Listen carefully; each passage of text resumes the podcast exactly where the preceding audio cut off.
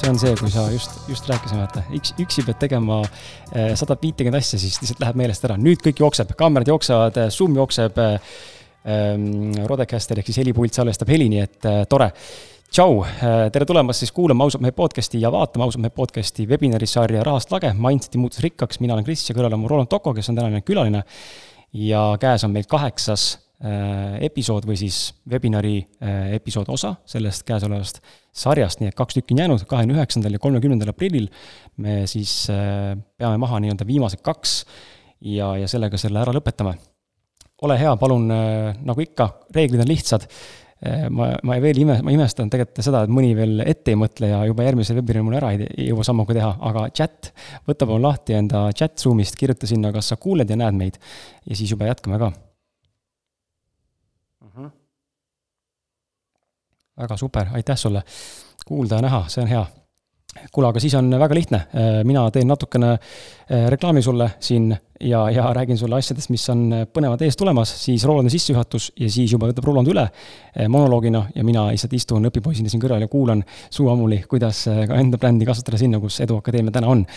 aga esiteks tahan tänada Fotopointi, tänu kellele me siis saame filmida seda asja üles vähe parema kvaliteediga kui Zoom ise. nii et aitäh Fotopoint Eesti teiseks siis äh, suur aitäh ka Vitamin Well äh, ettevõttele, äh, kes siis toetab meid siin veedega. ja Rolandile tegelikult on ka väike kingitusekott siin ilusti anda, see ei pea seal lauale jääma.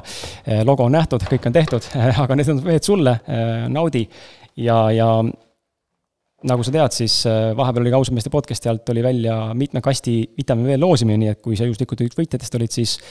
palju õnne sulle ja loodetavasti sa naudid koos meiega, cheers mis veel põnevat, põnev on see, et äh, enne kui jõuame nende juurde, räägime korra sellest ka. selline raamat Kontaktis endaga, vot, äh, ilmus eelmise aasta lõpus, ausalt mehe podcast'i esimene isikteos, Roland on siin sees täiesti olemas. ja kui sul seda raamatut veel ei ole, siis äh, ma suunaks sind kohe mõnuga, Elis on tänaval abis siin, Elis paneb chati vastavad lingid ka, kuhu saad klikata ja need lingid tulevad ka emaili, kui sul peaks olema soov seda raamatut endale soetada. aga Kontaktis endaga raamat on siis kokku pandud esimese podcast'i tähendab, podcast'i ausad mehed esimese saja episoodi ütleme, raames salvestatud külalistega, äh, nende mõtted, head mõtted, taipamised, kogemused, mõtlema panevad küsimused, provokatsioonid ja kõike muud veel juurde, et kui podcast'ist jääb väheks, siis mine vaata raamatut, äh, sellepärast et lisaks, lisaks podcast'i sisule äh, on seal raamatus ka äh, ligikaudu pooled nendest külalistest on kirjutanud sellise pikema ja põhjalikuma blogipostituse või artikli, millega siis raamatu ise väärtust luua. Ja raamat annab äh, vastuseid väga värvikalt tegelikult äh, erinevate küsimustele, kuidas ennast rohkem usaldada, kuidas intuitsiooni kuulata, kuidas olla tervem, kuidas äh, saada paremat suhet, kuidas paremini seksida, ma ei tea, kuidas raha teenida, kuidas ettevõtlus käib ja nii edasi, et ta on selline hästi laia repertuaariga ja, ja ma usun, et mööda külge maha sul ei jookse. teine väga oluline asi, sellest sellel teemal saame ka täna Rolandega rääkida palju, sest Roland on tegutsenud väga palju ürituskorralduse äh, ütleme siis äh, valdkonnas ja, ja turul ja maastikul. nii et äh, siin olen mina just nimelt õpipoiss ja saan kuulata, aga kümnes oktoober, me oleme palju reklaaminud seda, meil on täna kakskümmend seitse aprill, kui me seda salvestame, kümnes oktoober, esimene, esimene mai läheb siis avalik info välja, aga kümnes oktoober, salvesta kuupäev ja Elis paneb ka siia lingi, ole hea, palun tee seda. on tulemas ausalt meie podcast'il siis esimene meiepoolne suur konverents, mis toimub Kultuurikatlas, kus siis sellise ürituse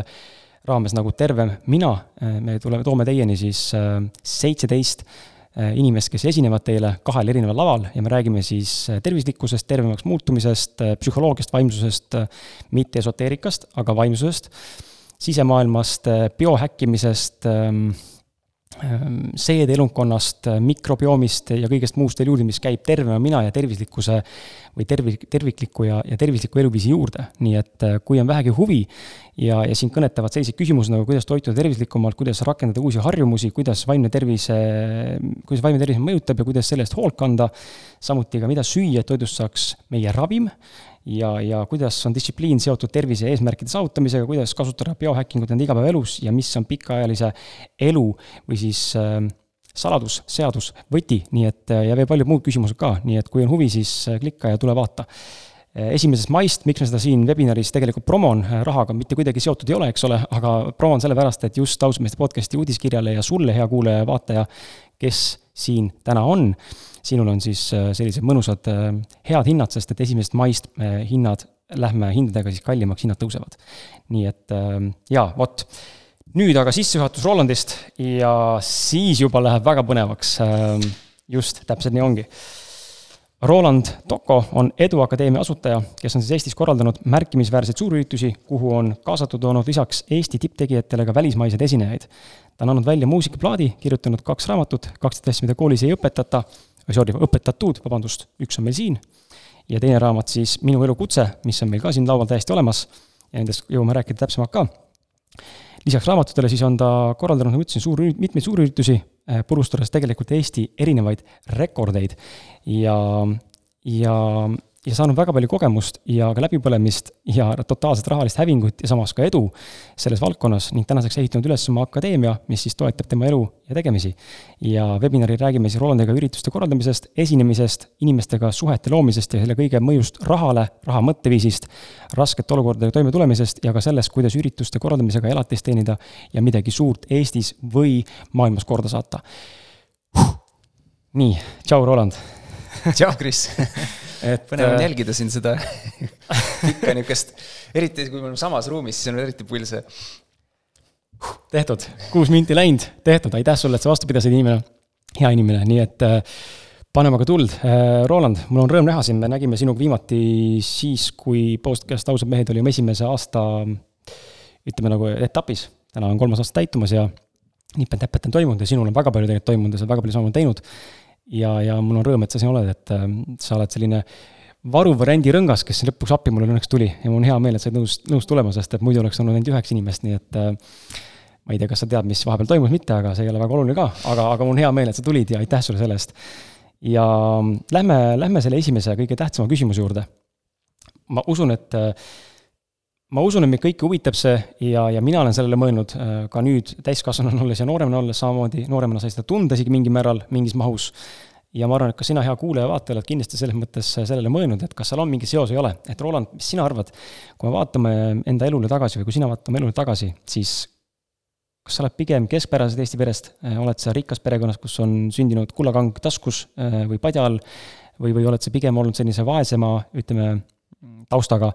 ja, ja kuidas see on sind mõjutanud ja kui palju sa näed tegelikult, kas sellel üldse on mingit rolli selles, mismoodi me siis suhestume siin äh, vanemas eas rahaga või rahamaailmaga ja, ja mismoodi see dünaamika sinu jaoks välja näeb? ma arvan, et see mõjutab ikka väga palju, et, et ma kindlasti, kindlasti ei ole nii-öelda sellises äh, kuldlusikas suus sündinud, et äh, pigem jääb võib-olla selline keskmine, et, ähm, et küll võib öelda, et nii mu isa kui ema, kes, kes ähm, küll lahutasid, kui ma olin kuueaastane, on mõlemad niisugust nagu ettevõtlikku suunda nagu äh, läinud, aga nad on sellised väga nii-öelda nagu isetegijad, et nagu sellist äh, nii-öelda selliseid hea, rahalist sellist ähm, baasi või head rahalist nii-öelda sellist mindset'i nagu ei ole kindlasti tulnud, et käisid ikka läbi igasugused need äh, põhi uskumused, et raha ei kasva puu otsas ja, ja nii edasi, on ju, et, et kõik, mis see komplekt nii-öelda, on ju, et ähm, et selles suhtes ähm, kindlasti sellist eelist ei saanud, pigem, pigem võib-olla just ongi see, et, et, ähm, et oli, on elu jooksul tulnud üksjagu nende uskumustega ise tegeleda, mis, äh, mis, mis nii, ühelt poolt siis see, et, et kui, kui, kui ma nägin neid, on ju, oma ettevõtlus, valdkonnas nii-öelda, et, et kõik tuleb ise ära teha, on ju, sellises noh, pigem see, et kedagi ei saa usaldada, on ju, ja nii edasi, on ju, et siis noh, see paljud asjad, mis ma täna teen, on nagu väga-väga vastupidine nii-öelda sellele ja mhm. selleks, et selleni jõuda, on ju, tulnud üksjagu endaga tegeleda. see on väga huvitav, sest et äh, meil on täna kaheksas webinar ja, ja kui ma nüüd õigesti mäletan, siis eelnevad seitse, välja arvatud siis Karmen, kes oli see esimene külaline siin webinaris, on kõik öelnud sama asja, et nad ei ole olnud väga justkui otseselt nagu küllusliku või sellise rahalise mindset'i või ülesehitusega, et pigem on selline tavaline pere ja, ja tavalised uskumused, mis meil kõigil siin on, äh, aga Karmen on ainukene, kes ütles, et ta on sündinud kulduslikus suus. aga, aga huvitav on näha tegelikult, kui neid inimesi kõiki vaadata, neid kaasa arvatud sind, on ju, siis noh, tegelikult see ei ole otseselt takistanud. aga samal ajal jällegi on ju inimesi, kes äh, tegelikult tunnevad seda, et see reaalselt piirab neid, et äh, süüdistatakse enda vanemaid, süüdistatakse võib-olla enda kogukonda, enda ma ei tea, sõpru, tuttavaid, keda iganes veel, et kui, kui see nagu ei mõjuta meid, oletame siis, toome nagu näite, et see tõesti ei mõjuta meid, siis kas puhtalt see mõtteviis ja uskumus, et, et ma nüüd süüdistan kedagi teist väljaspool iseennast, on see, mis võiks hoopis takistada või? noh, see on üks selline jälle põhilisi, ma arvan, takistajaid, et, et alati on lihtne leida mõni keegi teine, kes selles kuidagi süüdi on, on ju, ja on see siis su vanemad, on see sõbrad või on see on see meedia või on see siis, ma ei tea, poliitikud, on ju, et, et noh, kellegi ikka sa leiad, on ju, kes selles süüdi on või kool, on ju, et noh, kaksteist asja, mida koolis ei õpetata, on ju, noh, loomulikult ju kool on süüdi. kool on süüdi, on ju, nii-öelda võttis minu sellised tõelised anded, nii et surus alla koolis käigus, on ju, ja, ja pärast seda nagu oluliselt raskem, on ju. Ehm, see, see on selline nagu vastutuse kellelegi teisele andmine, on ju. Mhm. et, et kui, kui me räägime nüüd sellist eduprintsiipidest, mida Jack Canfield on väga tugev, siis tema üks põhilisi eduprintsiipe on see, et võtta, võtta sada protsenti vastutus. ehk et ma arvan, et sellest algab väga palju, et kui sa nagu mis iganes seisus sa oled, kui sa võtad selle vastutuse selle osas, et ma olen selle ise loonud isegi kui väga suur mõju on selles eh, su vanematel ja kellel iganes, siis tegelikult mina olen oma tänaste tegevustega sellesse seisu jõudnud. ja, ja samamoodi mul on võimalus oma homsete ja ülehomsete tegemistega sellest seisust välja tulla mm. -hmm. et, et see on, ma arvan, esimene asi, mille osas nii-öelda nagu aktsepteerida seda, kus sa oled, ja, ja samal ajal vaadata seda realistlikult see on sees, see on seis, seis, mis ma, mis ma olen tänaseks loonud oma tänaste tegevuste, oma tänaste uskumustega, aga see ei tähenda seda, et see peaks olema nii tulevikus mm. -hmm. sa mainisid seda raamatut äh, Kaksteist asja, mida koolis ei õpetatud, et äh, räägi korra sellest ka, et ähm, teeme raamatule promo ja sulle ka, et miks, miks äh, lugeja, andke palun teada, huvitav oleks teada, andke palun chatis teada, kellel on see raamat olemas ja kes on lugenud seda raamatut et oleks huvitav teada, kui paljud äh, teist on äh, ka Eduakadeemia Rolandi jälgijad. ja, ja samal ajal, kui inimesed vastavad meile seal, siis Roland, räägi, mis võiks olla need paar sellist põhjust, miks see raamat on see, mis ütleme ka tänase webinari teema ümber võiks aidata inimestel reaalselt muuta enda mõtteviisi mm? -hmm. Üks, üks osa on see, et, et siin on tõenäoliselt sellised teemad välja toodud, mis, mis kõigil ühel või teisel kujul elus on olulised. on need siis suhted, finantsid, on see tervis, eesmärkide seadmine ja nii edasi, et need kõik nagu ühel või teisel moel meid mõjutavad igapäevaselt probleem on selles, et, et vähemalt ma enda puhul nägin, et, et neid teemasid, ma neid teadmisi ei saanud selle kohta kusagilt mm. -hmm eriti kui sellel ajal, kui mina nii-öelda siis veel noor olin, on ju, siis ei koolis, ei kusagil mujal selle osas nagu midagi, täna on veel, et nagu internetis on väga palju infot üleval, on ju, igasuguste teemade kohta, et siis ei olnud sedagi. aga mis, mis ma nagu näen või mis, mis, mis see põhivõti ongi see, et, et nagu erinevates eluvaldkondades sul on võimalik ise väga palju ära teha. ja, ja need on need kaksteist eluvaldkonda, kus ma olen olnud seisus, kus äh, ei ole seis hästi. Ja, ja ma olen jõudnud sinna, kus ma võin täiesti rahul olla sellega, alati saab paremaks, aga aga, aga ma tunnen, et ma olen nendes olulisel määral edasi liikunud ja, ja tegelikult, mis ma siia raamatusse olengi pannud, on nagu minu oma kogemused, pluss ka erinevate siis koolitajate, erinevate coach'ide nõuanded, mida ma olen ise rakendanud, ehk see ei ole selline nii-öelda teooria, vaid see on nagu teoreetilised teadmised, mida ma olen praktikasse rakendanud ja mis on päris tulemusi toonud. ja nii-öelda Eesti pinnal, on ju, ja et, et ei, ei ole seda, et jah, see on mingi Ameerika onu kirjutatud raamat, mhm. on ju, et, et see siin ei toimi. toimib küll, kõik siin raamatus olev on siin läbi proovitud ja toimib siin, Eestis ma arvan, et see on hästi oluline point, mis sa praegu välja tõid, sest et äh, kõik need suurklassikud ja, ja suurteosed ja need äh, eneseabikurud ja, ja kõik, kes on nagu väga suurte tiitlitega või väga palju ilust saavutanud väga paljud neist on ikkagi rahvusvahelised tegutsejad ja enamasti inglise keelt kõnelevad inimesed, on ju, või siis inglise keele väga hästi ära omandanud. aga väga vähe on meil eestlaseid, kes on nagu selles mõttes väga laialt läbi löönud sellisel viisil, et noh, mul on nüüd globaalne jälgijaskond, sina oled täna selle teekonnal ja selleni kohe varsti jõuame ka, aga just, et nagu see, see nagu on selline, ütleme, nagu grounding või nagu selline, nagu annab natuke, natuke nagu lootust, et kurat, tegelikult saab ka siin, vaata, et ei ole tegelikult asi ainult Eestis, et lihtsalt tuleb mõelda, jah, siin mingil määral ma usun, et keelelise mõttes nagu natuke on jah, keerulisem, sest sa pead võõrkeele ära õppima ja selles keeles nagu ennast laiendama hakkama, aga see ei ole otseselt probleem, kui sul tegelikult on huvi ja tahtmine teha tegelikult seda. loomulikult. kas äh,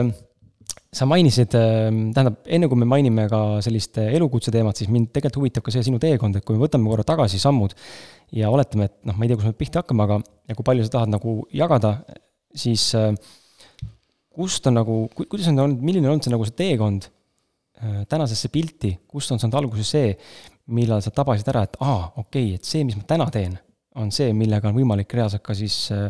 elatist teenida, mitte et see oleks olnud eesmärk eraldi, aga just, et aa, et sa taipasid ära, et see on võimalik. et räägi nagu sellest teekonnast, kuidas sa oled jõudnud täna siia, kus täna oled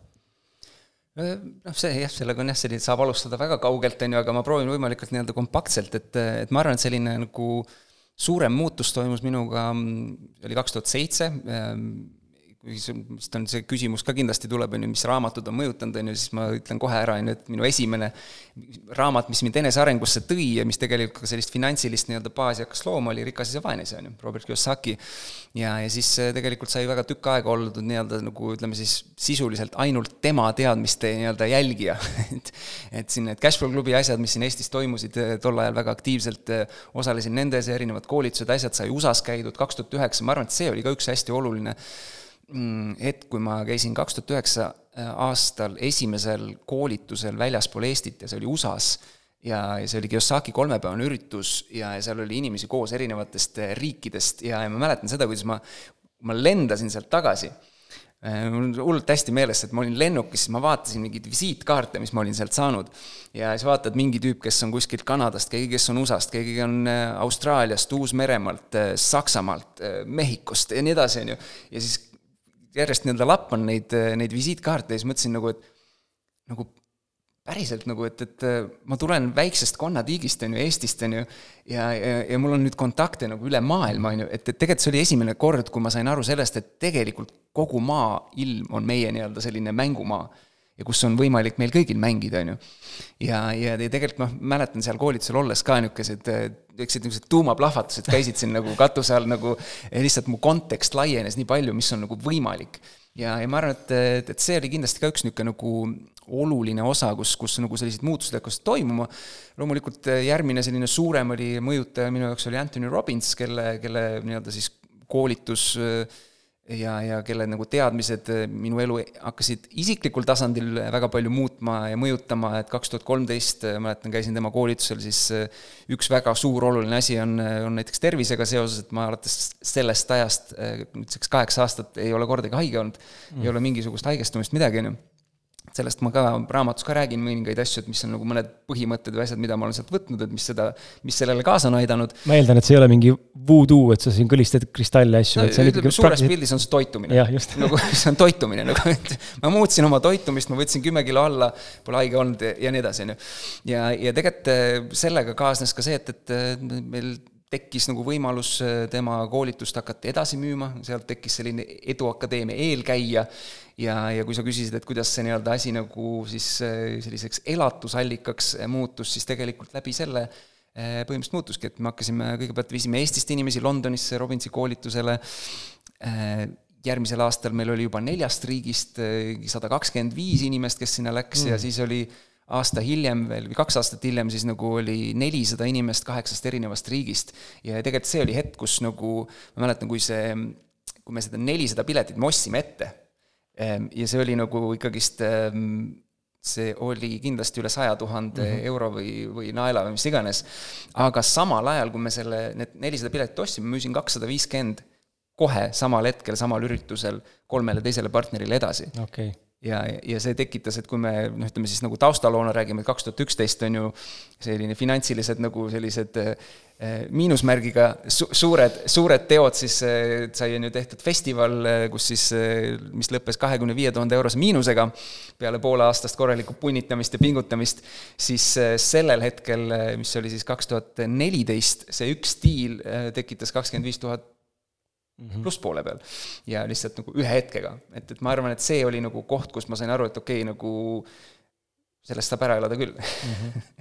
väga huvitav ja ometi see, ütleme see siis negatiivsem, noh, tegelikult ei ole olemas positiivset negatiivset sündmust, vaid see on kogemus, on ju, aga just see miinusesse jäämine, et see ei peatanud sind on ju, see ei, see ei to-, ei toonud kuidagi seda hirmu sisse või, või sellist kahtlust või ärevust kuidagi, muidugi okei okay,, ärevus ilmselt oli ja mingi hirm oli ka, ma kujutan ette, aga selles mõttes ta ei, ta ei pannud stoppi su tegutsemisele, ikkagi jätkasid sama teed et äh, no ütleme siis natuke teed muutsin nagu mhm. selles suhtes, ma olin sinnamaani tegin nagu muusikasündmuseid ja, ja noh, sellel hetkel ma, ma olin paar kuud enne seda nii-öelda siis seda suursündmust ja seda miinust, ma olin nagu palgatöö ka lõpetanud, sest ma arvasin, et suured rahad on tulemas selle festivaliga, on ju. ja, ja siis see miinus oli siis ütleme tegelikult sellel hetkel kuskil nii kolme aasta sissetulek mul nii-öelda viimase palga järgi, on ju. ja, ja tegelikult loomulikult oli, see ei olnud nagu tore hetk, on ju, seda nii-öelda nagu teadvustada, et nüüd on, nüüd on selline seis, on ju. aga mis, mis ma arvan, mis mind kõige rohkem aitas sellel hetkel, oli see, et, et ma mainisin seda Cashflow klubi ja inimesed, kes mm -hmm. mind ümbritsesid seal, olid juba ise nii-öelda siis mingis kinnisvara ja ettevõtlusteemadel nagu nii palju tegevad, ehk et ma, ma võtsin nii-öelda reaalselt aja maha, mõtlesin, et okei okay,,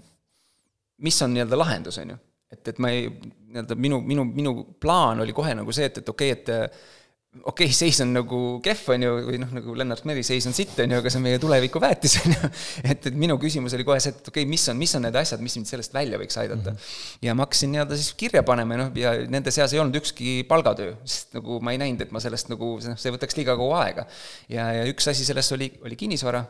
ja, ja teine asi oli tegelikult see, et me hakkasime siis ka äh, erinevad muusikaasjades seal mingeid bände vahendasime ja võtsime seal otseühendust mingite tegelastega ja mingisuguseid sündmusi aitasime korraldada ja et see mängis ka rolli, aga tegelikult kõige rohkem isegi kinnisvara ja, ja, ja miks, miks oli nagu reaalne võimalik äh, seal nagu toimetama hakata, oli see, et, et mul tegelikult inimesed, kellega ma olin juba kontakti loonud, kellega, kes olid minu nii-öelda siis sellises kontaktibaasis läbi selle Cashflow klubi tegevuse ja, ja see tegelikult aitas väga tugevalt nii-öelda nagu kaasa sellele, et, et ma äh, Äh, sain nii-öelda liikuma selles suunas nagu ja, ja paari aastaga tegelikult äh, sellest miinusest välja ja, ja see, mis, mis ma tegelikult tagantjärgi nii-öelda vaatangi, et mis on, miks ma olen sellele sündmusele ülimalt tänulik, on see, et, et äh, me läksime nii-öelda kroonist eurosse üle, siis krooni ajal oli nagu selline nagu tuhandetes nii-öelda tegelemine oli nagu niisugune tavapärane, on ju, siis ma panin edasi küll nagu esialgu miinusmärgiga, on ju aga, aga samal ajal see tekitas selle, et, et kui ma sealt suutsin välja tulla, siis äh, ma panin sealt edasi nii-öelda nagu siis äh, ka plusspoolele, on ju, summasid liikuma. et, et see oli tegelikult hästi-hästi suur selline nagu ähm,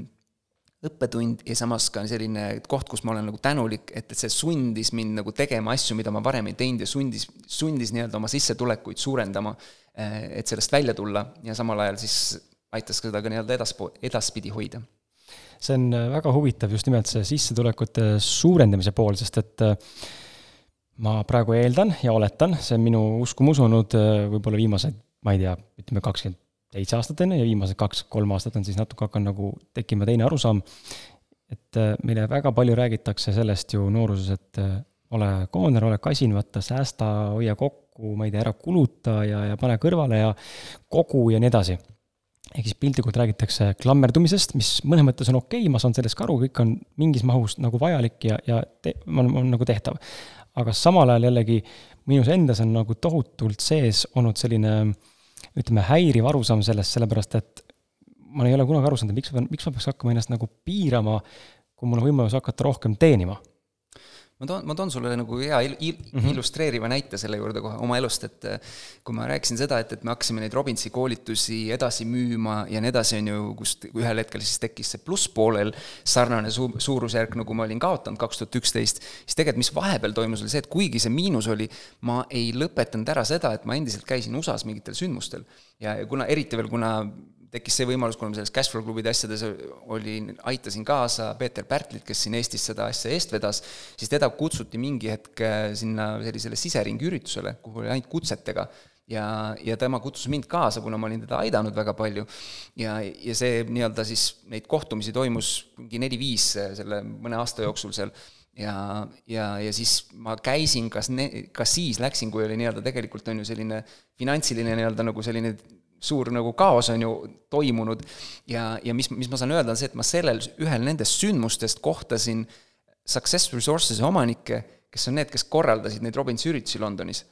Mis tähendas seda, et nad ühel hetkel kutsusid, kuna ma sain teada seda, on ju, siis nad kutsusid, aa, tule on ju meie üritusele, ma läksin Londonisse ühele sündmusele, kus oli Donald Trump esines ka ja, ja Anthony Robbins, siis ei teadnud Trumpist kedagi, et ta presidendiks saab, on ju, aga aga Robbins ka esines, on ju, ja, ja, ja sellel sündmusel ma tegelikult ütlesin selle otsuse, et võiks midagi nagu noh, ma tahaks tema sündmusele mm -hmm. veel minna ja, ja seal, seal oli veel nii-öelda oma mingisugune selline trikk või asi, et nad tahtsid, no ma olin, mu e-, tolleaegne elukaaslane töötas direktori ajakirjas, siis nad tahtsid sinna mingit reklaami saada Robinsi Business Mastery koolitusele, mis on tema selline kõige eh, ettevõtlusteemaline kallis, mingi seitse pool tuhat eurot maksis koolitus, on ju. ja siis, eh, siis ma ütlesin, et jaa, muidugi saab, et, et kaks varianti, et kas maksate kinni selle siin mingi tuhat eurot lehekülg, on ju, või annate annate mulle kaks piletit sinna Business Masterile ja ma maksan selle ise kinni ja mis sa arvad, mis nad valisid? piletid, on ju. ja, ja sellel sündmusel, kuhu ma need piletid siis sain, on ju, läbi selle nii-öelda jada, mis ma olin nii-öelda siis teinud, juhtus see, et, et tuli minu juurde üks inimene nende tiimist, ütles, et kuule, kas sa tahaksid Eestis midagi teha, mingi workshopi ja, ja siis me tegime mõned kuud hiljem. ja see oli sündmus, kus ma esimest korda nägin laval Eric Edmitsi mm. Ja, ja põhimõtteliselt nagu olukord, kus tegelikult mul rahaliselt väga kehvasti on ju ja justkui ei saa lubada seda, ma leidsin selle võimaluse, kuidas seda lubada. ja, ja see avas tegelikult täiesti uue maailma, kus tekkisid eh, nii-öelda kordades rohkem sissetulekuid tulnud, kui ma, kui ma nii-öelda kaotanud. nii et, eh, et selle osas eh, kui me räägime nii-öelda sellistest suhetest ja, ja üldse nagu finantsidest, siis mina näen seda, et, et selline suhete kapital on üks olulisemaid kapitale, mida, mida luua ja, ja sa ei saa luua seda üleöö sa pead seda nii-öelda järjepidevalt ja, ja mida, mida nii-öelda nagu suuremat mängu sa tahad mängida, seda nii-öelda olulisemaid, suuremaid kontakte sul on vaja luua ja sa ei saa neid teha enamasti Eestist mm. -hmm. kui sa tahad nii-öelda jõuda rahvusvaheliselt, nagu Kiyosaki, ma mäletan, ükskord ütles väga hästi, et kui sa tahad midagi, siis sa ei saa, sa pead minema sinna, kus see on, on ju, sa ei saa, sa ei saa seda, mida sa tahad seal, kus sa oled, sa pead minema sinna, kus see on, on ju. ehk et on need siis need kontaktid või mis iganes need võimalused, on ju, ja, ja, ja see, see, see nii-öelda nagu minu elus väga selgelt on nii-öelda välja joonistunud, et, et ma ükskõik, mis mu finantsiline seis on, ma olen jätkuvalt ja jätkuvalt käinud USA-s erinevates kohtades, maksnud väga suuri summasid koolituste eest, kus vahest hoiad ise peast kinni, et miks, miks ma nii suure summa jälle panen, aga samas ma mingi hetkel näen, kuidas see tegelikult kaarega lõpuks tuleb tagasi. see on, äh, mul on paar täpsustavat küsimust, ma korra tõusen püsti ja panen kaamera restardile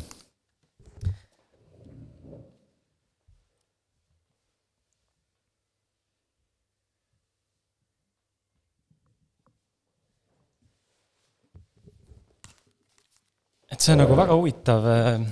väga huvitav just sellepärast, et äh, siin tuleb tegelikult välja ütleme, ta on, ta on nagu kombo, kombo point, aga, aga just nimelt see, et sul oli rahaliselt võib-olla mitte kõige parem seis, aga ometi sa tegid ikkagi selle investeeringu, on ju, läksid ja, ja ikkagi jätkasid oma tegutsemist. ehk siis justkui jälle risti vastupidi. ja teine, mis sinu näidet siis nagu tõestab või nagu tõendas, näitas ära selle, et tegelikult äh, niimoodi tulevad teinekord ka võimalused, sest et sa avad uksi, on ju, sa ei ole nagu suletud uste taga kramplikult hirmusta milleski kinni, on ju. mis sa arvad, mida saaks inimestele täna soovitada, kui me vaatame nagu sinu kogemust ja just selle näidet äh, tagasi või analüüsivalt, et äh, kuidas, ähm, kuidas sina, ütleme, lähme siis selle küsimusega, kuidas sa raha nagu mõistad? sest et praegu tundub mulle, et äh, siit küsimusest või sellest küsimusest, sellest sinu vastusest näitest saab nagu välja äh, võluda sinult või, või piltlikult öelda sinult kätte saada sellise vastuse, mis annaks aimu, kuidas sa nagu seda raha mõistad, sest et ilmselgelt sul puudus noh, hirm, sa tegid sama sammu ära, on ju. väga paljud inimesed, kaasa arvatud mina täna, mingis situatsioonis, kui ma näiteks näen, et mul on raha vähe või raha vähem, siis ma automaatselt hakkan klammerduma, mis omakorda tegelikult loob sedasama asja veel rohkem juurde ja veel võimsamalt. ja olukord läheb veel kehvemaks, on ju, ma ei tee tegelikult seda sammu, teades, et mul on vaba raha praegu ja noh, midagi juhtuks, on ju, täna veel, võib-olla kuu aja pärast juhtuks, aga täna veel ei juhtu, on ju. siis ma ikkagi olen nagu halvatud sellest ja ma ei tee seda sammu rahalist, seda süsti näiteks mingi asja jaoks, arendamiseks, ma ei tea, ostmiseks, soetamiseks, endale, ma ei tea, kuidagi endale mingi boonuse või tasu andmiseks, et mis, kuidas sina seda raha mõistad ja mis, mis aitas sul seda siis või mis on aidanud sul teha seda sammu, et isegi kui on olukord kehv, siis ma ikkagi teen selle sammu selle, sellega on see, et, et ega, ega ma ei saa nüüd öelda, et ma igas olukorras alati nii-öelda nagu selliselt käitun, on ju. ma, ma tunnen seda või ma, ma, ma vaatan endale tagasi, tagasi vaadates, siis ma tegelikult ikkagist olen lähtunud väga palju sellest, et uh, usaldanud võimalikult palju oma sisetunnet, et ma ühel hetkel hakkasin aru saama järjest rohkem seda, et kui ma kuulan oma sisetunnet, eh, siis asjad juhtuvad, siis ma liigun nagu õiges suunas ja, ja või isegi ma rohkem hakkasin märkama seda, et kui ma mingites hetkedes äh, nii-öelda mul oli sisetunne üks, aga siis kellegi teise mõjutusel ma ikkagist tegin kuidagi teistmoodi, siis ma järjest rohkem hakkasin ühel hetkel aru saama, et okei okay,, et, et, et, et nendel hetkedel ma nii-öelda, midagi läheb jamasti, mhm. on ju. ja, ja tegelikult selle, selle raha ja selle puhul on samamoodi, et, et, et ühel ühtepidi on nagu see, et tuleb säilitada seda nii-öelda, et seda, seda usku, et, et see lahendus tuleb, on ju. ja, ja, ja sealjuures nii-öelda nagu nii-öelda ausalt vaadata ja kuulata nagu ennast, et, et kas see suund või kas see tegevus või kas see asi on nagu minu jaoks ja, ja, ja loomulikult siin on nagu noh, võib ju minna ja teha mingisuguseid asju ka, on ju, mis noh, tegelikult kui ma mõtlen näiteks kinnisvara, on ju, siis see ei olnud nagu selline asi, mis mind nagu silma särama paneb, on ju, kinnisvara, on ju. aga, aga samal ajal äh, ma tundsin, et see on nagu õige suund, kus, mis, mis aitab mul näiteks finantsiliselt praegu sellest olukorrast välja tulla ja, ja ja tegelikult no, olidki mõne, mõne tehinguga põhimõtteliselt on ju, oli võimalik sellest nagu olukorrast välja saada, on ju. ehk et, ehk et aeg-ajalt tasub ka nagu kaaluda seda, et võib-olla võib-olla mõni asi täht-, tuleb nagu ära teha nii-öelda ka, ka selleks, et, et tekitada see kiire raha, on ju, endale, on ju, aga see, sealjuures jällegi see, et see, see, see ei tähenda seda, et sa lähed nüüd, on ju, mingisugust lotot mängima või on ju nagu, sest noh, minu see kiire raha tekitamine oli selles suhtes nagu turvaline, et mul olid ümber inimesed, kes teadsid, mida ma teen, on ju. kui sa lähed tegema seda valdkonnas, millest sul absoluutselt aimu ei ole, sul ei ole kedagi, kes seda nõu annab, siis sa jõuad samasse seisu nagu meie festivaliga, on ju me läksime tegema suurt festivali, ilma et meil oleks tiimis olnud kedagi, kes oleks edukalt festivali varem teinud, mõtlesime, et oh, me oleme siin väiksemaid sündmusi teinud juba, mis ka muidu finantsiliselt väga hästi ei läinud, aga mis see selleks, nüüd teeme midagi suurt, on ju, ja läheb finantsiliselt hästi, on ju. noh, juba eos on nii-öelda error sees, on ju. Mhm. ja, ja, ja selle, et selle puhul ongi hästi oluline nagu nii-öelda vaadata seda, et, et, et sa katsetad nii-öelda mingite väikeste asjadega, väikeste nii-öelda sammudega ja kui need väiksed sammud õnnestuvad, siis saab minna suuremaks, on ju, et nagu kui ma nüüd võtan, on ju, selle koolituste valdkonnaga, kui me tegime selle esimese workshopi ära, on ju, see nagu toimis, on ju, tegime järgmise väikse, on ju, jälle toimis, on ju, noh, läksime pisikese grupiga, on ju, Londonisse, ostsin sealt mingi viiskümmend piletit järgmiseks aastaks ette, on ju, ja see mudel nii-öelda nagu jätkus ka teistes riikides, on ju, ja see, ja see väikselt toimis. ja see andis mõnes mõttes ka usu sellesse, et ühel hetkel, kui me toome mõne suure tegija, mis tegelikult ka ei ole otseselt seotud sellega, et me viisime sinna Londoni koolitusele, aitasime sellel korraldajal saada seda, mida nemad soovisid saada inimesi, on ju, sinna sündmusele, ja selle teine aasta, kui me viisime nelisada inimest või kolmas aasta, siis viisime nelisada inimest, siis mõni aeg hiljem see korraldaja võttis minuga ise ühendust, et kuule, et Kiyosaki on siin äh, sügisel tulemas äh, Euroopasse, kuna on räkpi maailmameistrivõistlused toimumas Londonis, siis äh, ta on siinkandis, on ju, et kas sa tahaksid Baltikumis temaga mingit üritust teha. ja ma muidugi. tahaks, et, et ma arvan, et Eesti on selleks kõige parem koht ja, ja ühesõnaga, mis ma sellega mõnes mõttes öelda, küsisid, et mit, mit, kuidas ma raha näen, on ju, ma näen, et tegelikult see on nagu energiavahetus, on ju. et, et sa, et, et noh, küsimus ongi see, et, et mismoodi sa seda nagu, kuhu sa seda oma energiat suunad, on ju, ja, ja, ja millele sa seda panustad, on ju, mina otsustasin sellel hetkel panustada sellesse, et mis tundus minu jaoks nagu ühelt poolt siis kas siis südamelähedane või nagu suund, mis, mis mind sellest olukorrast välja aitab, on ju, mis, mis on nagu õige asi teha, on ju. sest et tegelikult ähm, ütleme siis ka jällegi selle korra selle kinnisvara ja selle juurde tulles tagasi, on ju, et et tasub natuke ka eristada seda, et, et mis on see asi, mida sa teed nagu selliseks oma nagu tööks, mida sa tahad aktiivselt teha, versus see, mida sa teed selle, selleks, et mis on nagu selline investeering. ja investeeringud ei pea olema sellised asjad, mida sa hullult naudid. Need ei pea olema valdkond või teema, mis sind, mis sind nii-öelda nagu silmatäiega särama paneb. see võib olla täiesti vabalt, on ju, valdkond, mis loob sul selle vabaduse tegeleda sellega, mis sind, sul silmad särama paneb et, et see on nagu ka üks koht, mis, mida, mida, milles ma ei ole ise alati kõige parem olnud, aga ma olen nii-öelda aastate käigus õppinud, et et, et nii-öelda on vaja aeg-ajalt luua ka neid kohti, kus või varasid, on ju, või asju, mis, mis toovad sulle lihtsalt selle sissetuleku, mis annab sulle selle vabaduse, et teha neid asju, mis sulle meeldib. ja, ja loomulikult ideaal on see, et kui sa suudad ka nagu siis on ju nendes tegevustes, mida sa naudid, saada sissetulekuid, mis, mis ei, ei, ei sunni sind tegema otsuseid või sündmuseid või asju, mis, mis on kuidagi sinu endaga vastuolus mm. -hmm see on, kusjuures ma ei olegi varem mõelnud selle peale selliselt, et ähm, kui rääkida just investeeringutest ja üldse nagu raha tegemisest või raha teenimisest, et, et seda kiire süsti või, või kapitali kogumise ähm, tegevused ei pea olema need, mis sulle meeletult nagu meeldivad. Ähm, ma ise loomult äh, automaatselt otsin kogu aeg seda, et see tegevus oleks nauditav, sest siis ma tean, ma panustan rohkem, mul endal on ka huvi aga samal ajal ma tegelikult täiesti mõistan seda, mida sa räägid, sest mul ei ole täna veel kogemust. oleks nagu huvitav teada, kui paljud teie kuule, kuulajad meie seas praegu siin on, kui paljud teist äh, kaks küsimust teile, palun andke teada, on ju, et kui palju, kui palju te usaldate sisetunnet äh, rahaasjades. Äh, Roland tõi siin väga näite just ja ma ise tunnen ka, et just seesama kogemus on elus väga palju olnud, et need, need otsused, mis tulevad sisetundest lähtuvalt, toovad pigem positiivseid tulemusi väga suure protsendi ulatuses ja nii, kui ma lähen sisetundega vastuollu kas või pisikese nüansiga, siis see tulemus on kas väga häiritud või ta on pigem selline jube punnitamine. ja teine küsimus mind just tuleb üles, ongi sama teema, et kas te, kuidas sul investeerimisega on, et kas sa juba investeerid ja kui sa investeerid, kas sa, kas sa naudid seda, millega sa oma raha täna genereerid või sa pigem teed seda sellepärast, et tead, et see on väga tulus valdkond ja sektor Roland, sul on, meil on, tuleme korra siia selle sinu tee juurde ka korraks tagasi, et äh, võime täna oletada, me kunagi lõpuni, lõpuni välja ei tea, on ju, võib-olla homme kirjutad sa Edu Akadeemia emaili alt kirja, et teate, fuck that, kõik, mulle aitab rohkem ei viitsi, on ju, et nüüd on kõik. et aga tõenäoliselt seda ei juhtu siin lähimate aastate jooksul. et täna on Edu Akadeemia ja kogu see enesearengu teema ja ürituste korraldamine ja seminaride korraldamine sinu tee, vähemalt tänaseks mis sa arvad,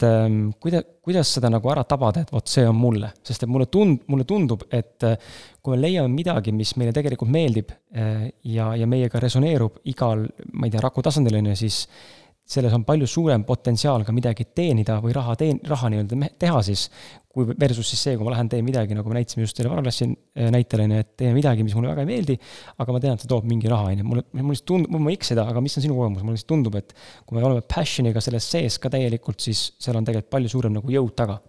Ei, loomulikult, et see on, äh, nagu ma ütlesin, et siin igaüks peab lähtuma oma olukorrast ja enda, enda nii-öelda seda nagu vaatama seisu, on ju, et, et noh, sest noh, mingis mõttes on see, et kui ma nagu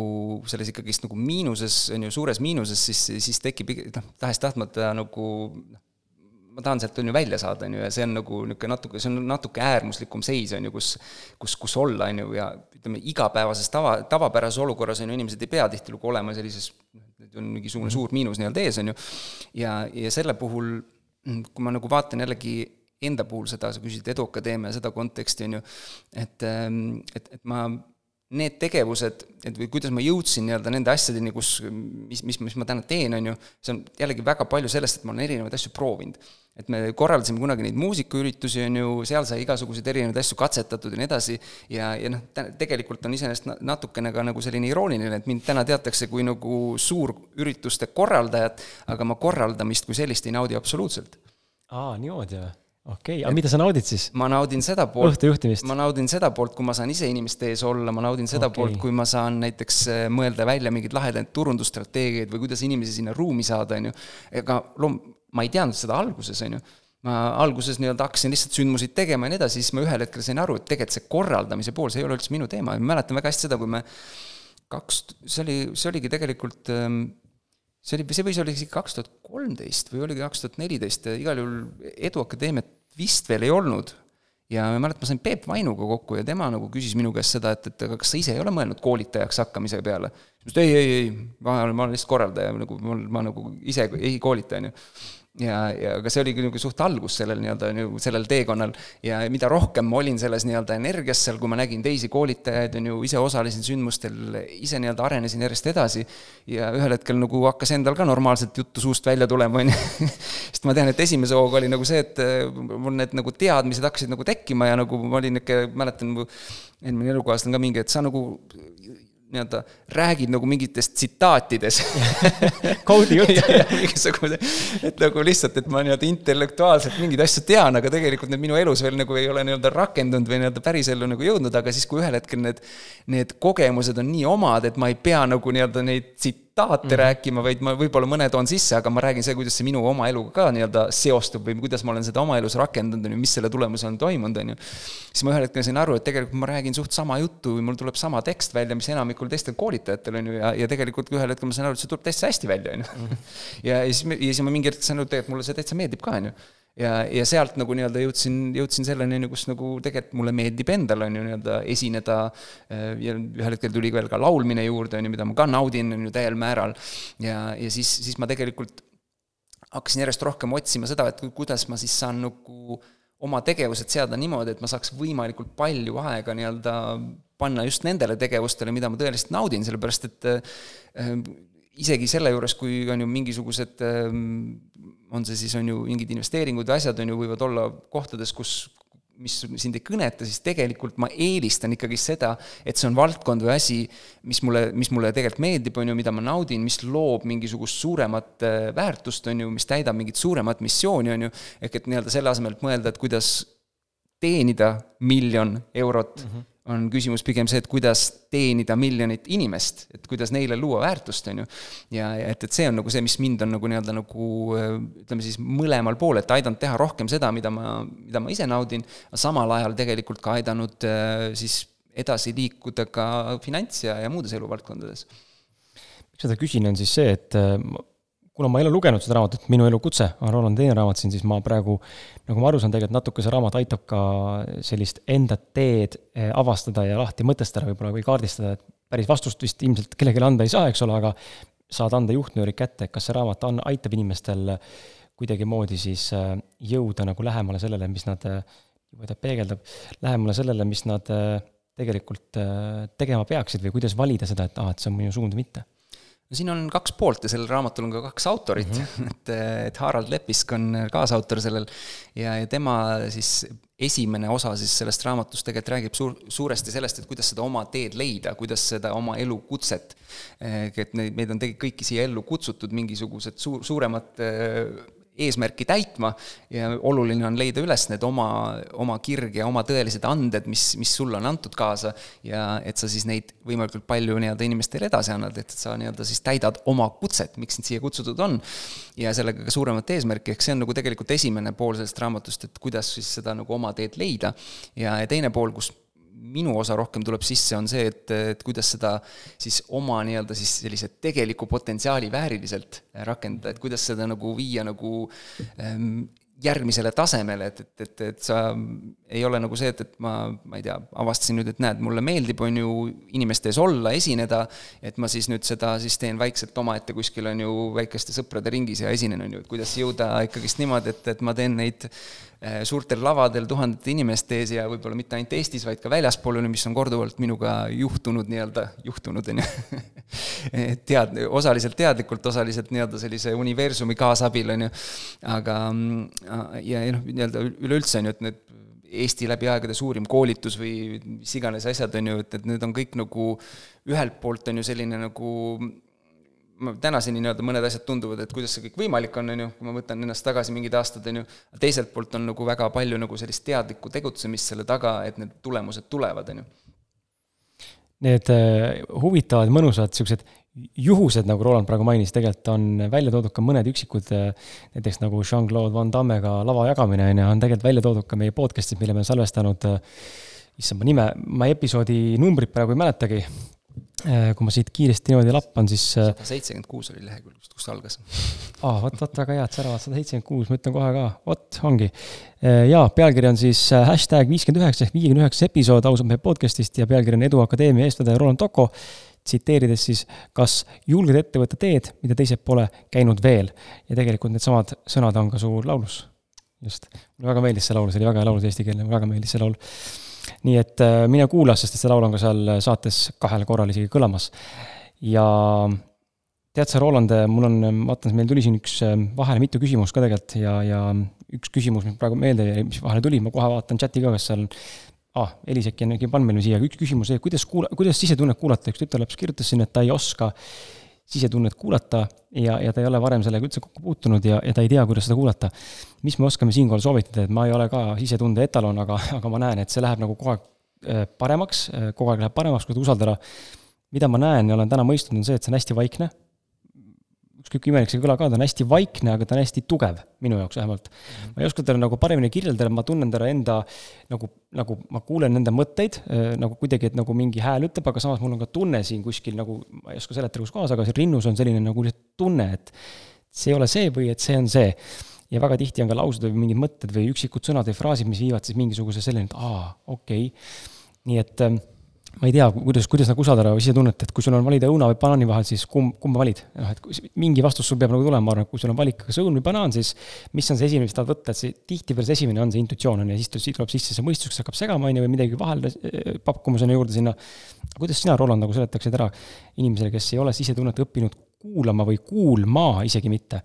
eh, kuidas seda tabada? mis asi see on? see oli märk, kuidas märgata, on ju, ja kuidas seda usaldada, on ju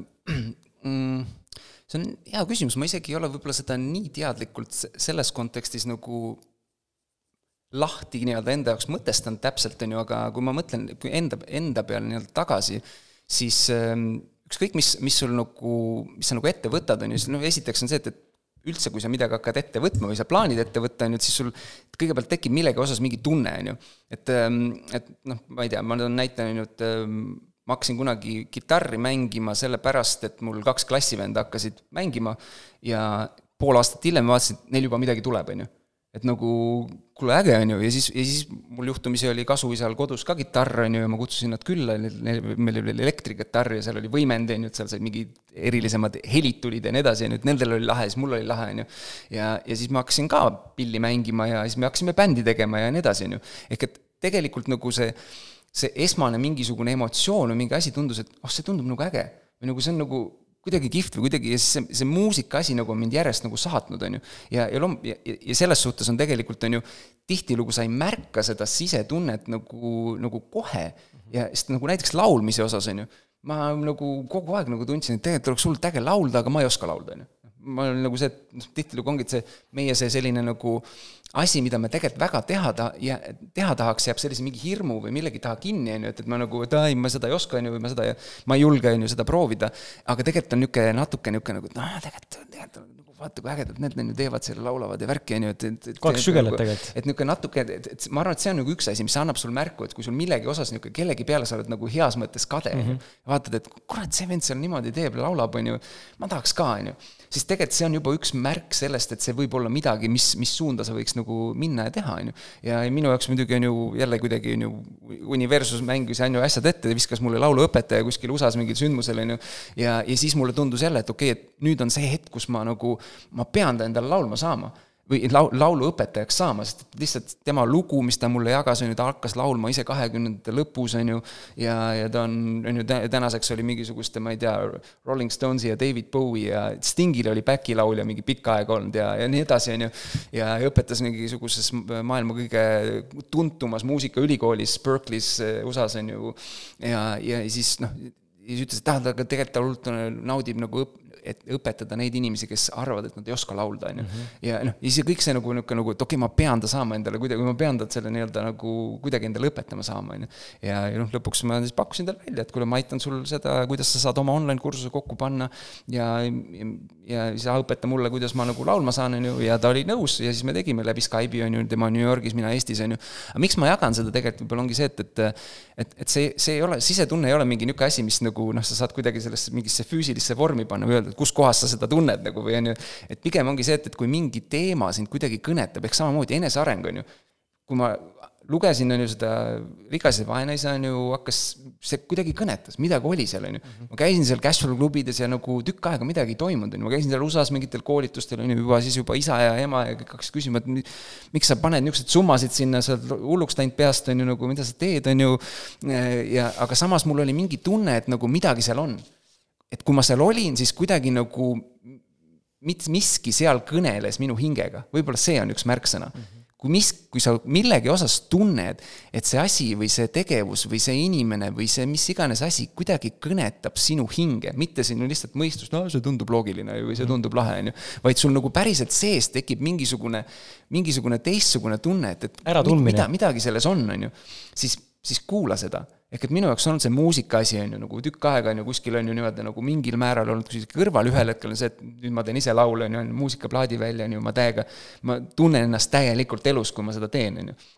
või samamoodi see enesearengu teema, on ju, et, et kuidagi seal kogu aeg ma tundsin, et midagi selles on, on ju, ja, ja nii-öelda täna on ju see nii-öelda nagu noh, tegelikult minu elu täielikult, on ju, minu, minu peamine sissetulekuallikas, minu peamine selline igapäevategevus, on ju, on, on sellega seotud, on ju. ja, ja, ja ma lihtsalt kuulasin seda tunnet või nagu usaldasin seda, et okei okay,, et ma isegi vahest on ju ei saa aru täpselt, on ju, et, et, et me miks ma lähen sinna või kui ma ütlen mingitele koolitustele, et nagu see ei tundu üldse loogiline mm. -hmm see ei, nagu kuidas, kuida-, kus, kust on loogiline, et sa lähed mingile ühele, ühepäevasele koolitusele, mis maksab kümme tuhat daala? see ei ole loogiline, noh. see, USA-sse veel, on ju, paned selle reisirahad ja kõik asjad sinna, see, see ei ole loogiline, on ju. aga samas siis äh, aasta hiljem teed launch'i koos Eerikuga, mis launch, launch'i tulemus oli mingi kakssada viiskümmend tuhat, on ju. et noh, mina ei saanud muidugi kogu seda summat sealt, on ju, aga, aga lihtsalt, et see, nende teadmiste omandamine tegi mm -hmm. launch'i, mis oli on ju põhimõtteliselt äh, läbi aegade suurim, mis ma seni, siiamaani teinud, on ju. lihtsalt jällegi on ju selline, et see tunne millegi osas, et okei okay,, et kui ma, kui ma selle käigu teen, siis see kuidagi emotsionaalselt või nii-öelda mingit pidi toob mulle rohkem tagasi, on ju. ja, ja see on võib-olla asi, mida nagu hakata nagu, võib-olla hakatagi nagu esimese hooga nii-öelda nagu märkama neid kohti, kus sul on see, kus sul mingisugune niisugune nagu selline hingehelin läheb käima, on ju. Mhm. ja, ja siis nagu vaadata, okei okay,, mis siin praegu oli või mis, mis see nagu,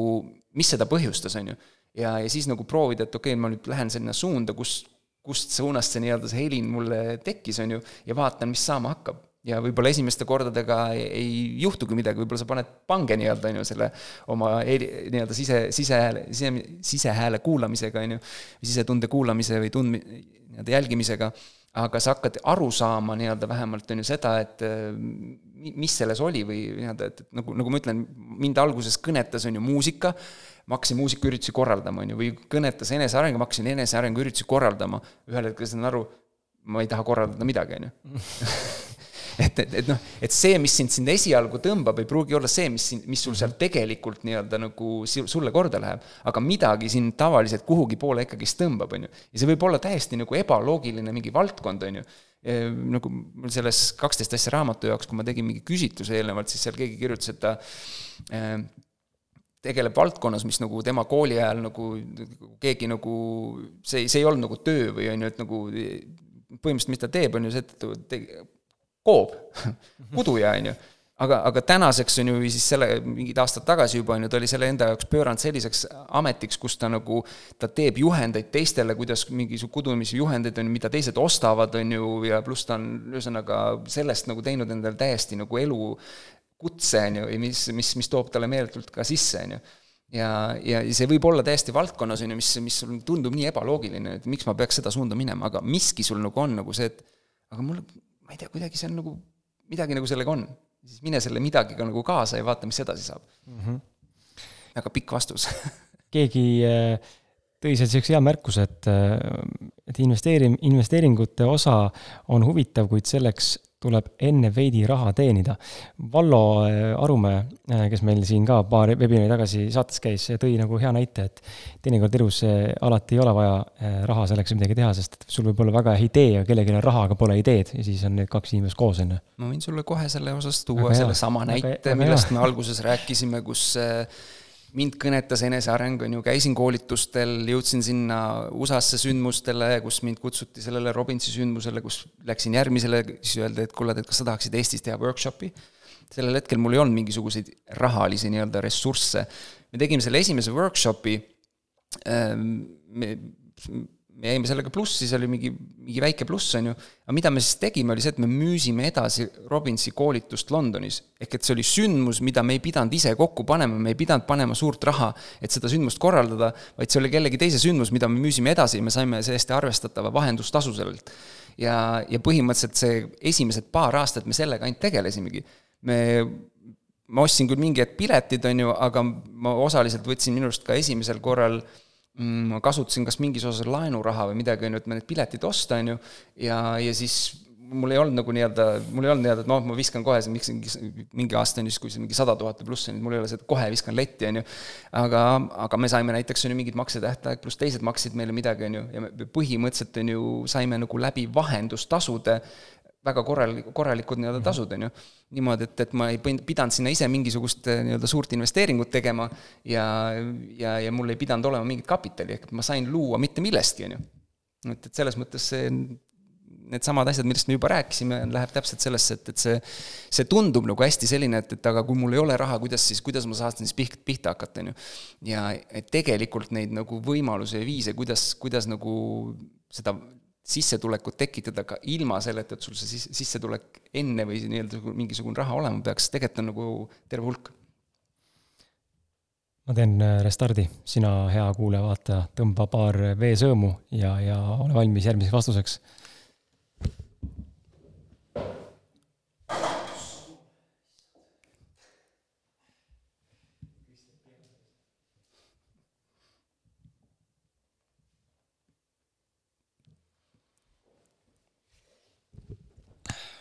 pikad poisid, lõin äh,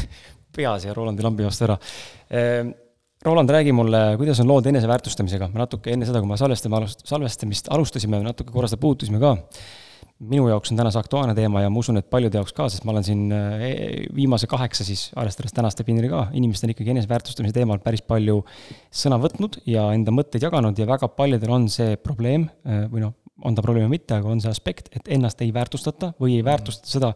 mida nad loovad, sest meie iga tegevus on looming. Ehm, ta tuleb meie loomest, on ju, nii-öelda, ja, ja tegelikult äh, ei ole üldse tabu selle eest ka raha küsida, on ju, või sellele mingi hind külge panna, sest et see on meie töö, on ju, arvestades seda, mismoodi noh, ma ei tea, mul, kuidas sul igapäevaselt samamoodi, mitu tundi tegelikult see läheb asjade peale, mina täna samamoodi tegelikult teen asju tasuta, aga tegelikult suudan, saan aru, et tegelikult võiks hinnastada, aga vot ei suuda mingis aspektis, on ju.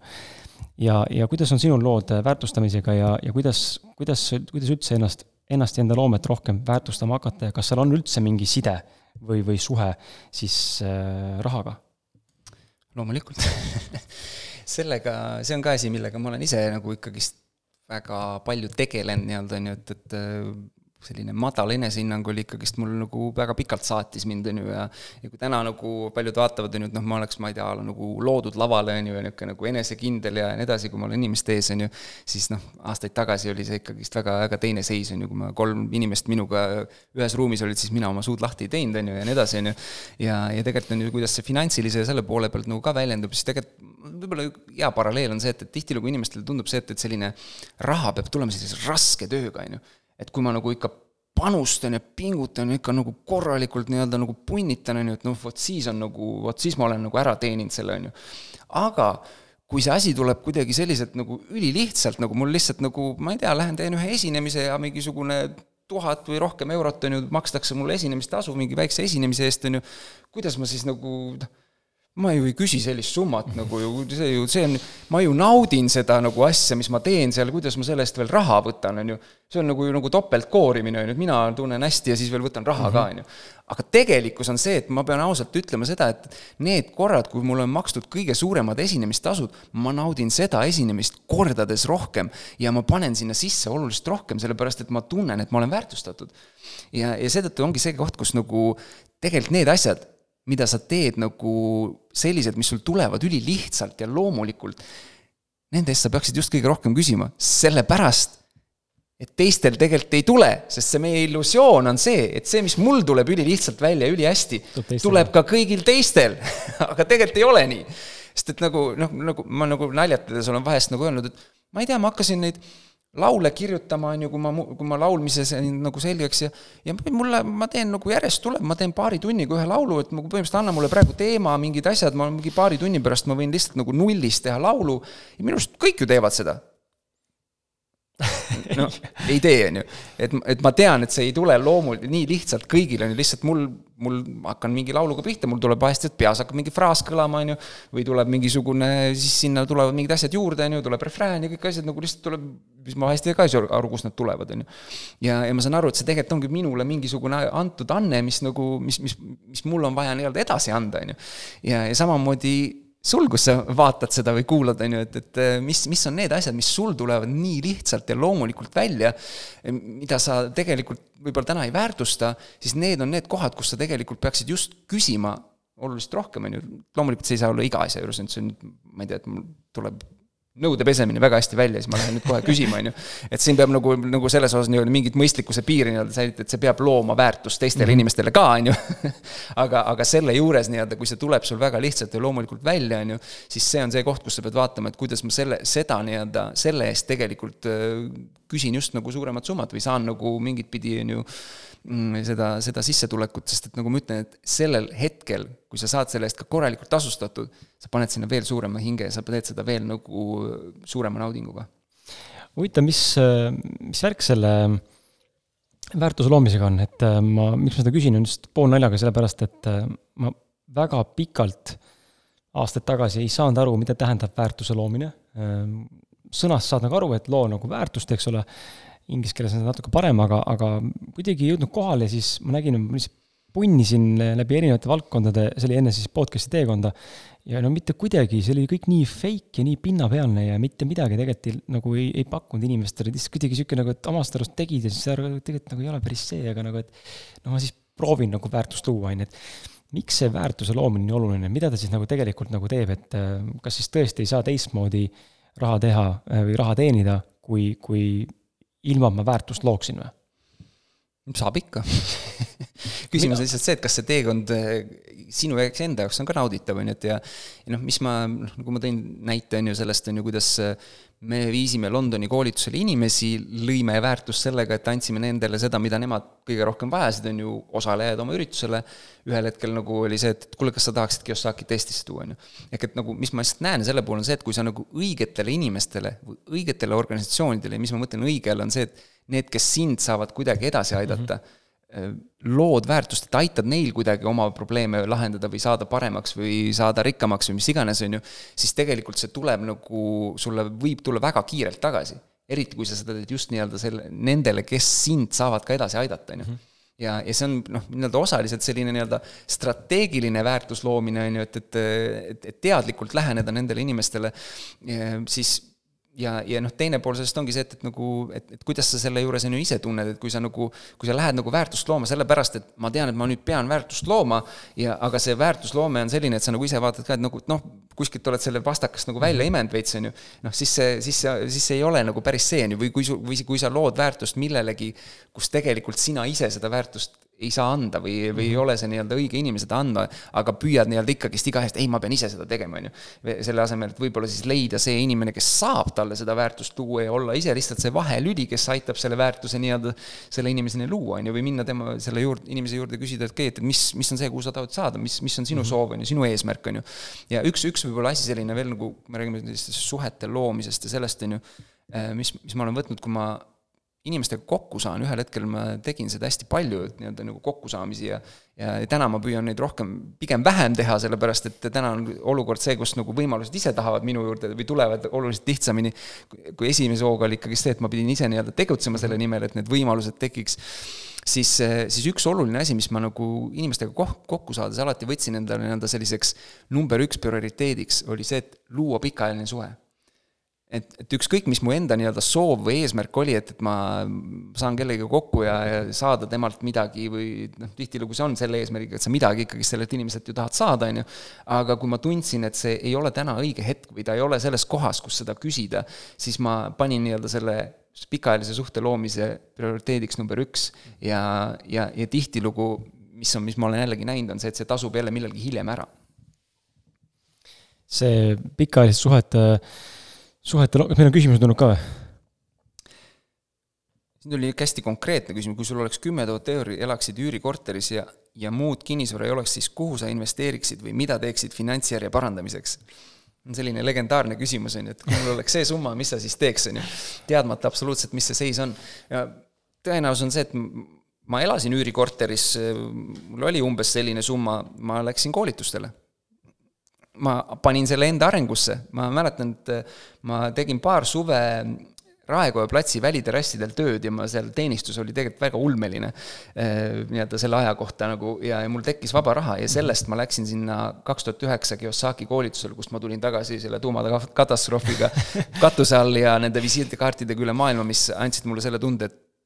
terve maailm on mängumaa minu jaoks. ehk tegelikult minu nii-öelda selline Äh, lähtepunkt seal oli ikkagi see, et ma panin hästi palju äh, enesearengusse, et nagu ma siin raamatus, selle, selle raamatu nii-öelda teadmised, mis siia on tulnud, et see, et see, investeering on olnud rohkem kui sada tuhat eurot kindlasti. koolituste osalustasud pluss ka kõik need asjad, mis sinna reisimised, seal olemised, kõik on, on maksma läinud, et see on kindlasti sada, sada pluss tuhat eurot olnud. ja mis hinnaga meil täna see raamat saadaval on? Äh, täishind on kaheksateist üheksakümmend, aga tihtilugu leiab ka soodukaid. nii et äh, kaheksa, üheksateist euro eest põhimõtteliselt on võimalik saada saja tuhande euro eest äh, väärtuses olevat kogemust ja teadmist. lihtsustatud vormis kokku surutuna. väärtusloome. just anna rohkem, kui küsid alati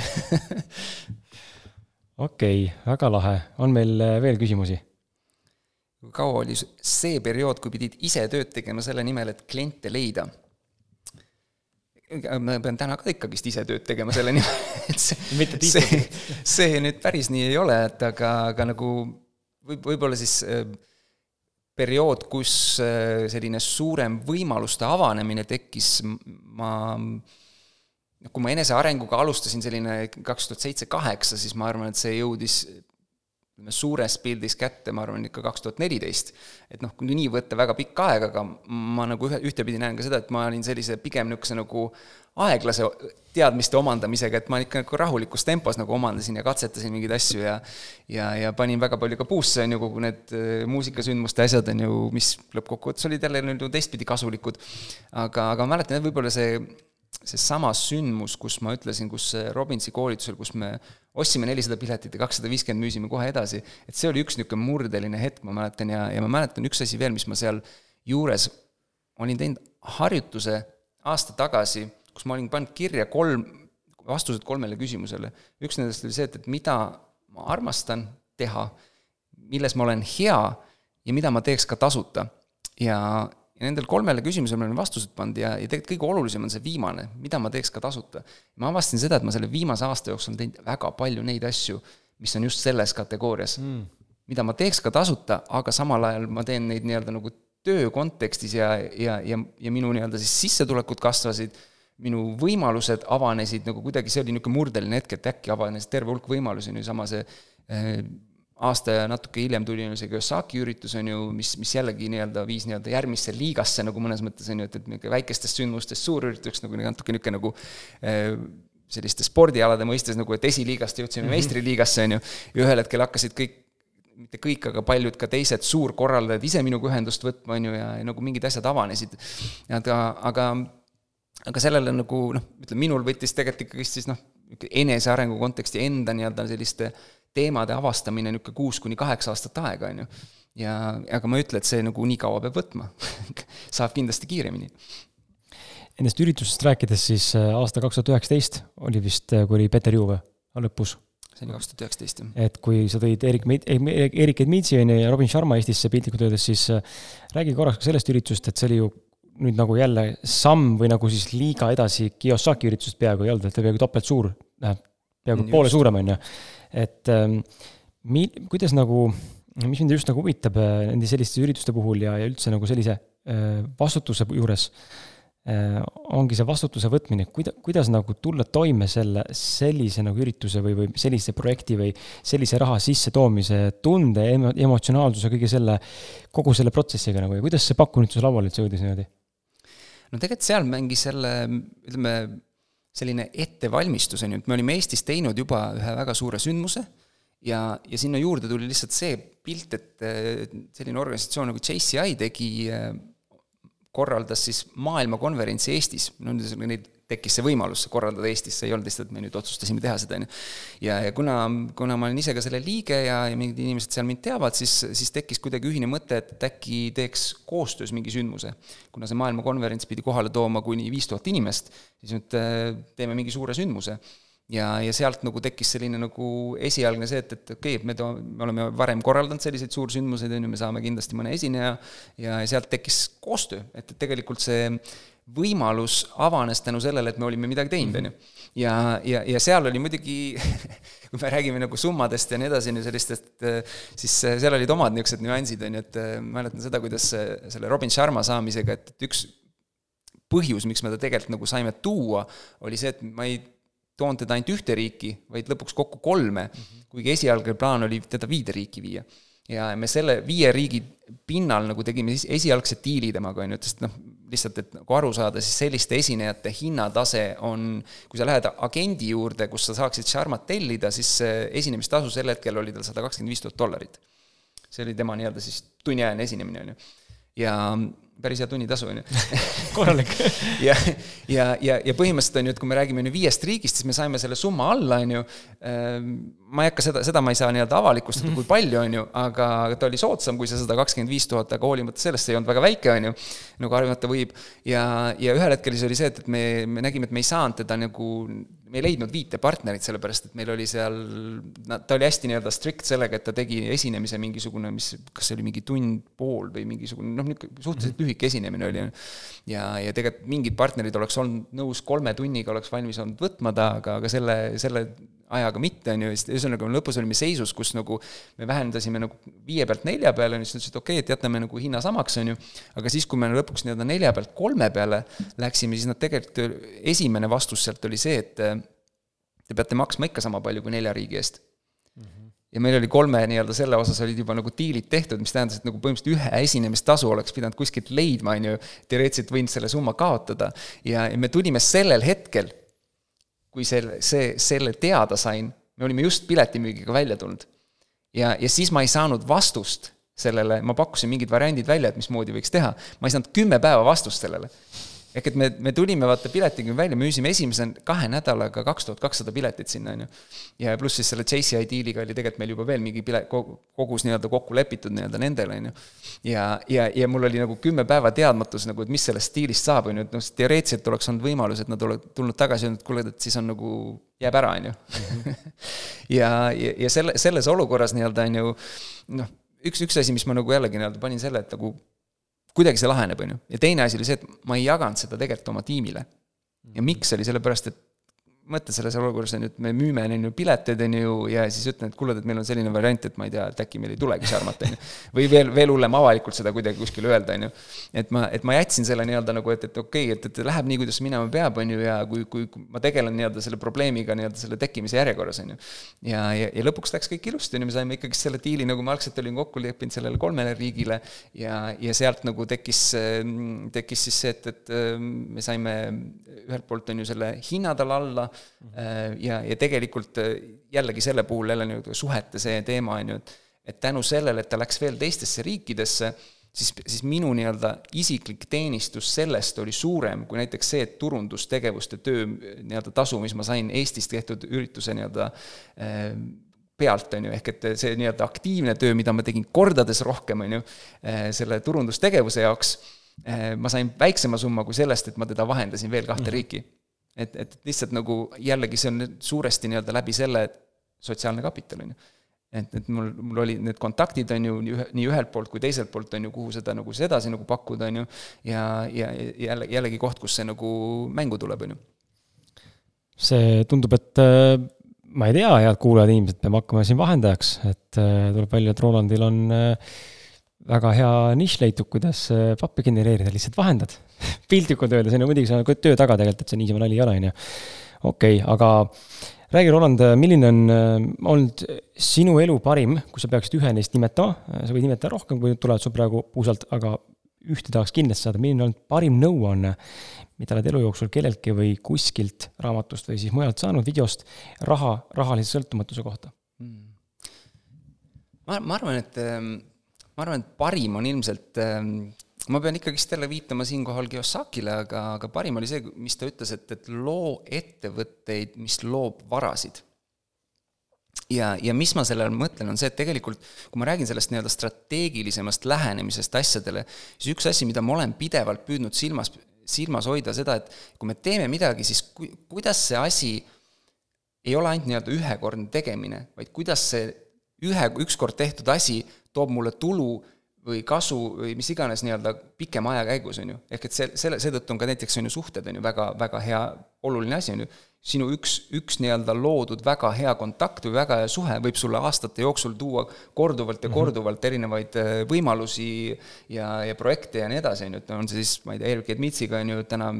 mäletan kaks tuhat kaksteist, kui ma läksin, nägin teda laval, on ju, ei julgenud temaga rääkimagi minna, täna oleme, on ju, äripartnerid. et see on nagu noh, nii-öelda väga erinev positsioon ja, ja täna, kui me Äh, teeme mingisuguseid, äh, mingite kontaktideni jõuda, on ju, siis ta on noh, ütleme siis tema uksed on nagu avatud mm -hmm. nagu kõigele, mis ma talt küsin, on ju, sellepärast et me, ma olen temale aastate jooksul nii palju sündmuseid korraldanud, talle nagu väärtust loonud, on ju, ehk et, et ta on nii-öelda vastupidi nagu valmis nagu ka igasuguseid mm -hmm. uksi avama, on ju. kaasa arvatud oma koduuksed, on ju, kus ma olin mingil aastal kolm pool kuud olin põhimõtteliselt sisuliselt tema juures külas Dominikaanis, on ju. et, et et, et see on nagu osa, kus, kus siis ma toon mõned näited lihtsalt, mis veel, et kuidas nagu varasid luua, on ju, et, et näiteks on ju, kui, kui sa lood oma ettevõtte, siis nagu üks, üks oluline vara meil on meie meililist. Meil on tänaseks hetkeks on meililist üle viiekümne tuhande inimese, mis tähendab, see on peaaegu neli protsenti Eesti elanikkonnast, ja, ja meil on võimalik nendele inimestele saata infot nagu uuesti ja uuesti, loomulikult seal on oluline osa see, et et neile pidevalt saata väärtust, et nad tahavad seal olla, on ju, ja et nad tahavad su kirjasid avada, on ju, aga hoolimata sellest, et, et see list on nii suur, on endiselt üle kolmekümne protsendi inimestest avab kirjasid, on ju, ja, ja kui me neile midagi pakume, siis ka tihtilugu ostetakse, on ju. ehk et see on tegelikult üks vara, mis sul on nagu loodud, on ju. Teine, teine asi selle puhul on see, et, et, et, et, et, et need, need nii-öelda turundus nii-öelda siis mm, tegevused või turundusprotsessid, mis me oleme mingisuguse sündmuse teg-, nii-öelda siis müümiseks loonud, on korduvalt ja korduvalt uuesti kasutuses olnud. et ma toon jälle näite, kus me tegime selle Saku Suurhalli ürituse esimese Kiyosakiga. järgmine aasta toimus sarnane üritus Soomes, kus oli ka Kiyosaki. ja ma andsin täpselt edasi selle mudeli, mis me tegime nagu Eestis nii-öelda kirjade mõistes, on ju, selle eelturunduse ja kõik, on ju, ja me tegime selle partnerluses selle Soome partneriga seal. Ja põhimõtteliselt kahe päevaga, seal oli küll tuhat piletit äh, müügis, äh, lihtsalt ruum oli nii väike, on ju, kahe päevaga müüsime selle välja ja jällegi mina sain arvestatava sissetuleku sellest, et ma vahendasin või andsin edasi oma teadmised, mis mul olid juba nagu nii-öelda selle, selle käigus tehtud. Ja, ja jällegi ma, ma teen, seal puhul ka. Tegin oluliselt vähem tööd selle järgmise aasta ürituse osas, sellepärast et nemad korraldasid, mina andsin juba edasi, lihtsalt edasi need asjad, mis mina olin teinud, vahendasin ka kontakti, Kiyosaki tegin ka mina, on ju, ja, ja, ja teenisin oluliselt rohkem kui selle esimese üritusega, mis me, mis me Eestis ise tegime, on ju. aga ma kasutasin juba olemasolevat nii-öelda mingit protsessi, mis oli toiminud teistes riikides, samamoodi selle mm, siis workshop idega, on ju, ma ütlesin, et me olime ühe, tegime Eestis, siis olime neljas riigis, kaheksas riigis, on ju, me leidsime toimiva mudeli, Äh, workshop, kust siis sai edasi müüdud, on ju, kallima hinnaga koolitust, see mudel toimis, me tegime seda kaheksas erinevas riigis, on ju, ühel hetkel. ja, ja see mudel toimis ka seal. ja, või siis ma ei tea, raamat, on ju, ma panen oma teadmised siia sisse, seda raamatut ma saan müüa aastaid ja aastaid, on ju. või siis, ma ei tea, muusikaplaat või, või mis iganes asjad või online-kursused, on ju. ma teen valmis selle online-kursuse panen oma teadmised sinna sisse, inimesed saavad nii-öelda hiljem aastaid ja aastaid sellest osa, ehk et nagu igal sammul mõelda ka seda, kui sa teed mingeid tegevusi, kuidas need nii-öelda sulle on kasulikud ja kuidas sa saad neid kasutada veel pikaajaliselt. et need ei ole nii-öelda ühekordsed tegevused, et ma arvan, et see on nagu hästi-hästi oluline osa on sellest, mis, mis sai väga paljuski sellest, et loo ettevõte, mis loob varasid mm. -hmm. ehk et igal sammul mõelda seda, et kuidas see, mis ma teen, on tegelikult nii-öelda toob mulle siis kontakte või, või siis või sissetulekuid või mis iganes nii-öelda, mida sul vaja on, äh, pikemaajaliselt kui see ühekordne tegevus. seda on äh, mega huvitav kuulata ja just nagu hea, et sa nagu räägid ka just sellest äh, varade loomisest ja ütleme siis ähm, ühe, ühe nagu väärtuse loomingu siis mitmekordistamisest või, või mitmeotstarbeliseks muutmisest, et see on ka midagi, midagi, mida ma ise olen täna hakanud nagu avastama, et äh, tegelikult see on noh, seda on sama lihtne teha, kui teha ühekordselt, on ju, natuke tuleb rohkem läbi mõelda võib-olla, võib-olla natuke rohkem ka midagi teha, aga suhteliselt samasugune panus. ja, ja tegelikult see tulemus on nagu palju suurem, laiem, on ju. sa oled rääkinud täna ka investeeringutest ja, ja inimesed on tegelikult küsinud ka investeeringute kohta, et kas sa lisaks ettevõtlusele ka investeerid ja, ja saad sa jagada, tahad jagada, kuhu kohta ja miks mm? -hmm ma, ma olen, ütleme, sellise investeeringute osas olnud äh, viimastel aastatel pigem nagu passiivsem, äh, mis ma mõtlen selle all, on see, et, et mingi aeg ma tegin aktiivsemalt selle kinnisvara asjadega, ma viimasel ajal olen nii-öelda natuke tagasi tõmmanud ja, ja üks põhjus on olnud see, et, et ähm, tänane olukord nii-öelda maailma selles majanduses ja kõiges on ju, on selline piisavalt selline nagu shaky nii-öelda, on ju, et, et ma olen nagu valinud hetkel üsna sellised nagu äh, turvalised nii-öelda sellised äh, kohad, et näiteks ma olen üksjagu pannud hõbedasse, on ju, et mis, mis ei ole nagu nii-öelda selles mõttes nii-öelda investeeringuna justkui nagu hea investeering, äh, kuna ta ei too nii-öelda rahavoogu, on ju, aga samas ma nagu, ma tunnen, et siin on piisavalt nii-öelda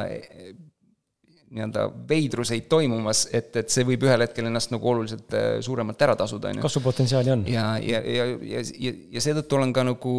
hästi palju praegu ikkagist sellisesse ähm, ettevõtlusesse nii-öelda investeerinud tagasi, on ju, oma, oma tegemistesse või siis olen ka mingitesse teistesse ettevõtetesse, et täna on avatud erinevaid võimalusi, on ju, et ma olen selle Funderbeami peal näiteks on ju mingeid, mingeid asju, investeeringuid teinud ähm, ja ja, ja mõningaid niisuguseid väiksemaid asju veel, aga, aga ma ütlen, et täna ma olen olnud äh, pigem sellises äh, kriisi ootuses just nagu majanduskriisi kontekstis, et, et siis äh, ja, ja loonud nagu puhvrit nii-öelda, nii siis ka finantsilist puhvrit, on ju, ja ja, ja, ja noh, kes teab, on ju, kuhu see nagu viib, on ju, aga see on olnud täna nagu minu lähenemine, et, et ma ei ole nagu nii-öelda sellistele täna ikkagist igas valdkonnas või igas nii-öelda investeeringu osas nagu sisuliselt ülehinnatud turgudele nagu oma, oma raha nagu kippunud panema. kas kriisi osas, mis sa ise tunnetad, on see reaalselt tulemas või, või on see ikkagi ainult jälle see niisugune mõnus kummi venitamine, mis venib siia veel järgmise kahekümne aasta peale laiali see on, see on selline väga, väga keeruline asi, mida öelda, on ju, et noh, oligi, Kiyosaki ütles juba kaks tuhat viisteist, on ju, et, et tuleb kriis, on ju, aga, aga see on siin veninud nii-öelda, on ju, korralikult, on ju. Eh, ühel või teisel hetkel midagi peab toimuma, et see, see rahatrüki mõõde on, on läinud ikka nagu täiesti ulmeliseks ja see süsteem nagu eh, ühel või teisel hetkel ta peab kuidagi mingil moel järele andma, on ju, et, et, et see, see ei ole enam, see ei ole enam kuidagi jätkusuutlik, on ju, et, et me oleme minu teada ületanud selle piiri, kus äh, kus ähm, nii-öelda see uus peale tulev raha ei kata enam ära nii-öelda siis neid äh, intressimakseid, mis on mhm. juba olemasolevas süsteemis nii-öelda olemas rahas, on ju, et, et see nii-öelda, et see on läinud nagu selles osas nii-öelda, et, et sisuliselt me oleme jõudnud seisu, kus, mida ei ole mõnes mõttes enam nagu võimalik tagasi pöörata, on ju, selle mm -hmm. rahatrükiga. ja, ja ma, ma ei hakka sellesse nagu mingi noh, nii-öelda süve, süvi, süvitsi nii-öelda nagu minema, aga ühesõnaga me oleme, me oleme suht niisuguses seisus, millest äh, midagi peab ühel hetkel varsti juhtuma ja, ja, ja tõenäoliselt nagu ühel hetkel äh, tuleb väga-väga suur inflatsioon nüüd on see küsimuse koht, et kas see enne sellele inflatsioonile, ehk mis tähendab seda, et nagu põhimõtteliselt raha väärtus läheb suhteliselt olematuks, on ju, kui see nii-öelda infla-, inflatsioon väga suurelt tuleb, aga mm, tõenäosus ja väga paljud nii-öelda tegelased, keda ma ka jälgin, on, ütlevad, et ikkagist enne, kui ta nagu sinna läheb, tuleb nagu veel deflatsioon, mis tähendab, et justkui nagu kõik varad lähevad nagu väga soodsaks ja kui sul on raha, siis sa oled nagu heas positsioonis, on ju, aga millal see tuleb ja kas see tuleb, seda ei tea, et, et nagu lihtsalt äh, ma olen jällegi siinkohal nagu püüdnud nii-öelda ka selles osas nagu mõnes mõttes oma sisetunnet äh, järgida. Ähm, see on mõnes mõttes läinud väga keeruliseks, kuna siin on mingi see kumm on ikka väga pikaks venitatud, on ju. aga, aga lihtsalt ma, ma usun seda, et kui see lõpuks see nagu kuskilt see kumm järgi laseb, siis ta käib ikka niisuguse litakaga, et, et. et, et noh, on öeldud tegelikult need, need tegelased, meid on ees ootamas läbi aegade suurim jõukuse ülekandumine ehk et raha ei kao kuskile, lihtsalt see kandub üle nendelt inimestelt, kes ei tea, mida nad teevad, nendele, kes teavad. ja, ja jah, ma loodetavasti olen sellel pool, kes teab ja mul oleks väga hea meel näha seal võimalikult palju ka teisi inimesi ja, ja selle osas ma, ma ei ole kindlasti ekspert, kes nagu ise nii-öelda mm -hmm. nüüd selle osas nüüd mingit nõu peaks andma, aga, aga ma võin mainida, et, et näiteks peakprosperity.com on koht, mida ma ise jälgin, lugesin sellist raamatut ka nagu Prosper, mis nad on, mis on täiesti tasuta neil minu arust alla laeta praegu ja, ja, ja, ja, ja otsida selliseid usaldusväärseid allikaid, kus nagu neid teadmisi omandada, et ise olla kursis ja ja, ja saada nagu aru vähemalt suures pildis, et mis tegelikult toimub. mul on sulle, Roland, kaks viimast küsimust, meil on küll kuus minti jäänud, püüame siis sellesse raamesse jääda ja esimene neist küsimustest on siis ähm, just nimelt mind huvitab see, et täna võib öelda, tuleb noh, eelmises, eelmist vastust, kuulates ka ja, ja nii palju, kui sind vaatan kõrvalt, siis jälle ma oletan ainult, ma ju muidugi ei tea kõiki fakte ja neid detaile. aga tundub, et pigem on sul täna rahaliselt selles mõttes, rahaline sõltumatus äh, on pigem nagu kas siis käekasutav, käes juba või väga lähedal ja pigem on täna nagu hea ja mõnus koht, kus olla, on ju, et sinu tegemised toetavad sind, sa ei ole hädas äh, kodu on olemas, on ju, pere on olemas, kõik, kõik, kõik toimib justkui, on ju. nüüd on minu küsimus see, et kuidas on see sind mõjutanud? Kui me tuleme nüüd selle saate alguse küsimuse juurde, et äh, milline oli lapsepõlv, äh, just see kogemus ja tunnetus äh, raha ja kogu selle küllusega, ja milline on siis täna nagu, mis, siis millist suurimat vahet või erinevust sa nagu näed, mida on tänane seis võimeline sulle rohkem pakkuma või mida raha pakub sulle, mida sul elu muidu ei pakuks, kui raha pole? ma arvan, et ta on eelkõige selline vabadus minu valikute osas et ma saan nagu valida rohkem seda, et mida, mida ma päriselt ette võtan, sest nagu ma ütlesin, et tänaseks on olukord see, kus neid võimalusi tuleb nagu kordades rohkem peale, kui ma jõuan ära kasutada ise, siis, siis mul on võimalik valida neid asju, mis, mis tunduvad kõige nagu südamelähedased või mis mulle tundub, et nagu kõige suuremat väärtust loovad ja, ja minna nagu kaasa rohkem nendega. Versus see, et, et ma pean nii-öelda iga hinna eest mõtlema kogu aeg seda, et, et mis projekt mulle kõige rohkem sisse toob, on ju, või, või mis, mis on nagu see, mis on kõige kiiremini toob, on ju, tulu, on ju, et, et ma saan täna nagu mõelda ja võtta ette mingeid asju, mis on võib-olla natuke pikema nii-öelda perspektiiviga, on ju, et täna nii-öelda eh, koheselt nagu ei, ei tasu ennast ära, on ju, või, või on nii-öelda minu, nõuab minu ajalist ja rahalist investeeringut, aga ma tean, et need sammud täna toovad tulevikus veelgi rohkem või aitavad veelgi rohkem nii-öelda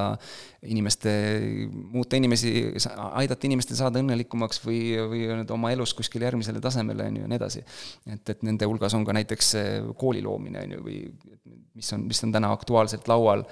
et tuua Kanadas toimiv koolisüsteem Eestisse, mis päriselt aitab noortel õppida ja omandada teadmisi viisil, mis, mis nendele korda läheb, on ju. et, et see on nagu täna laual, on ju, mis, mis on kindlasti asi, mida aastaid tagasi ma ei oleks ette võtnud või ette võtmas, on ju, kuna, kuna see kindlasti ei ole asi, kus kust ma näen niisugust kiiret tulu, on ju päris huvitav, päris huvitav, kusjuures see kooli mõte, kas ta on siis, kui põgusalt nagu puudutada seda teemat, kas ta on siis midagi väga erinevat Waldorfist või, või nii-öelda muudest alternatiividest? ta on, ta on veidi sinna suunda, aga ta on ikkagist erinev nagu mm -hmm. ja, ja tal on mingid omad, omad asjad, mis nagu, mis, mis, mis saab nii-öelda selle tänasesse koolisüsteemi nagu ühildada ja, ja samas nii-öelda õpilased kohati jah, sellised Waldorflikult nii-öelda nagu, et, et, et seal antakse teadmisi edasi nii-öelda mm, läbi rohkem nii-öelda selliste kogemustegevuste mhm. ja nii edasi, on ju, aga sul on need asjad nagu kompleksselt kokku toodud, toodud ja, ja jah, võib-olla, võib-olla seal ma ei oska isegi öelda, et, et ma, ma arvan, et selle üks, üks selline nii-öelda eelis või nii-öelda miks, miks see nagu mind siin seda vaatama pani, oli see, et, et selle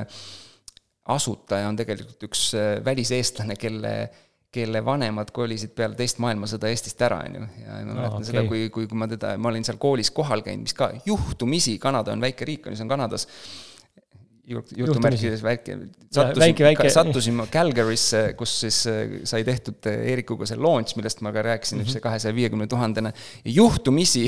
seesama kool on seal Calgary's mm. ja, ja ma sain seal koolis käia ja, ja näha nagu seda ja, ja see oli niisugune jah, ühesõnaga jällegi jälgides neid märke, et nagu mingid, kui, kui võib-olla see on ka üks asi, lihtsalt veel sinna sisetunde teemasse, et kui mingid asjad kuidagi nagu satuvad nagu sulle kokku või sulle pilti juhtumisi, ette, nagu juhtumisi sinu ette nagu, et siis see võib olla ka märk, et millestki, et mida sa võib-olla mm -hmm. peaksid tegema, on ju, et lihtsalt nii-öelda universum kuidagi annab sulle nii-öelda selle, et kuule, et nüüd on aeg, on ju jaa, ma olen täitsa nõus, et miks ma tegin jutumärkides juhtumisi, sest ma ise juhustesse ei usu, et ma arvan, et need sellised asjad, mis Ronald täna siin rääkinud on ja mida mina enda elus olen kogenud, mida teie kindlasti olete mingites valdkondades kogenud ja etappides, siis need ei ole juhused, ma arvan, need on, ma ei ütleks, et saatus, aga ma arvan, meant to be on mingid kogemused, mis meile justkui ette antakse, et kas me ise valime või mitte, see me ei otsusta, aga need tulevad igal juhul, on ju. Keijo küsib, et kas festival ikka tuleb plaanis on, et kakskümmend neli juuli äh, Haapsalus koostöös siis äh, joogafestivali korraldajaga, kes siis oma, soovib seda nii-öelda joogafestivali asemel teha midagi laiemat ja me otsustasime teha koostööd. Merit, Meritiga siis? Merit Rajuga, jah. just. väga lahe ja minu viimane küsimus, Roland, sulle täna on siis see, me oleme raamatutest rääkinud, me oleme rääkinud siin äh, minu elukutse, me oleme rääkinud siin kaksteist asja, mida koolis ei õpetatud ja samuti ka siis oleme rääkinud siin raamatus Kontaktis endaga räägi, äh, millised on sinu raamatu soovitused veel, mida sa saaks inimestel täna siin soovitada ja, ja anna ka tuld mm. -hmm. no üks asi, mis, kui me räägime nagu finantsteemadest, on ju, et siis, ähm, siis ma kindlasti loomulikult, kui keegi veel ei ole siis võiks lugeda Rikas ja vaene asi, on ju. Äh, aga mis, mis ma tõin ka välja siin, oli see Prosper, Chris Martinsoni raamat, mis, mis räägib ka erinevatest kapitaliliikidest, seal on kaheksa erinevat kapitaliliiki, üks nendest ka sotsiaalne kapital, ja näiteks on seal ütlus tal, et, et mõni mees on nii vaene, et ainus, mis tal on, on raha. Oh. ehk siis tegelikult on väga oluline ka need kõik need erinevad teised kapitaliliigid, näiteks teadmiste kapital, on ju, mida ma olen väga tugevalt arendanud, on ju, või siis su-, suhete kapital, on ju, ja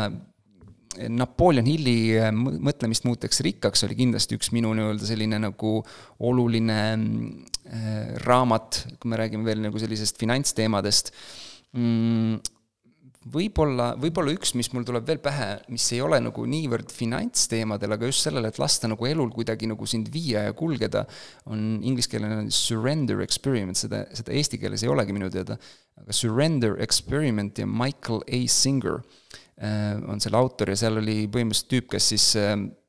ähm, alustas niimoodi, et ta nagu, selle raamatu alguses on ju, ta räägib, kuidas ta nagu põhimõtteliselt tahtiski minna kuskile täiesti kõigest eemale ja selle raamatu lõpus ähm, siis nii-öelda mediteeris ja nii edasi, kõike, kõike selliseid vaimseid praktikaid ja selle raamatu lõpus ta on ühe miljardi dollarise ettevõtte nii-öelda siis osanikke ja, ja selle nagu board'is ja ja, ja lihtsalt nagu nii-öelda see surrender oligi see, et sa alistud mingitele asjadele, mis elu sulle toob, ja, ja nii-öelda, et noh, see on nagu üks asi, mis ma kuidagi tunnetasin või nägin nagu ennast nagu väga samastunud, et, et et mingi võimalus mulle tuleb elus või kuidagi mingi, mingisugune asi, siis ma nagu olen nende asjadega kaasa läinud, kui need on tundunud õiged asjad. ja, ja see on nagu toonud imelisi asju. keegi küsib, mis see teise raamatu nimi oli, oli Prosper ähm, või siis Mõtlemis muutus rikkaks, kumb, aga need raamatu nimed, need tulevad kõik teile meilile, nii et Rolandi tänane webinari järelvaatamine ja kuulamine tuleb välja kõikide eelduste kohaselt neljapäeval ehk siis äh, ülehomme. nii et hoia palun siis silmad äh, lahti äh, ausalt meeste Facebookil ja platvormidel ja, ja kõige muul ja email, kui sa oled listis, siis sinna tuleb su info ja kui sa ei ole, siis ausamehed.ee saad seda teha. aga kuule, kõik, aitäh sulle! aitäh sulle kutsumast! väga vahva oli sind kuulata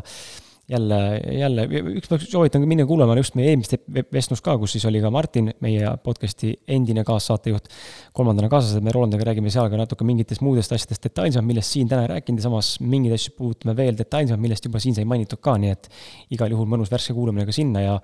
ja võib-olla on ka hea nüüd praegu tuleviku saate pealt minna tagasi mineviku saate peale, kuulata, vaadata, palju Roland siis tegelikult ära tegi sellest, mida ta rääkis. Kui palju seal nagu reaalselt fakte on, ma ei tea, aga ma usun, et seal mingit teekonda hakkad nagu nägema, et äh, minu meelest on Roland ägedalt paugutanud ja, ja mul on hea meel, et sa siin oled. nii et äh, ja, ja aitäh ka sulle, et sa meiega olid. loodan, et siin oli sinu jaoks piisavalt palju väärtust ja piisavalt palju huvitavaid mõtteid ja, ja mõtlemapanevaid mõtteid ja kui vähegi on äh, lugemishuvi, siis need kolm raamatut ootavad sind ka. ja need lingid kõik, kus neid kätte saab, tulevad sulle samuti meilile. ja ma ei teagi, egas midagi, sinuga kohtume juba kakskümmend üheksa aprill kell seitse, kus meil on siis äh, külas üsna, üsna edukas võrdturundaja Viktor Jaska äh, ja räägib reaalselt oma, oma tegemistest, nii et tšau, pakaa. tšau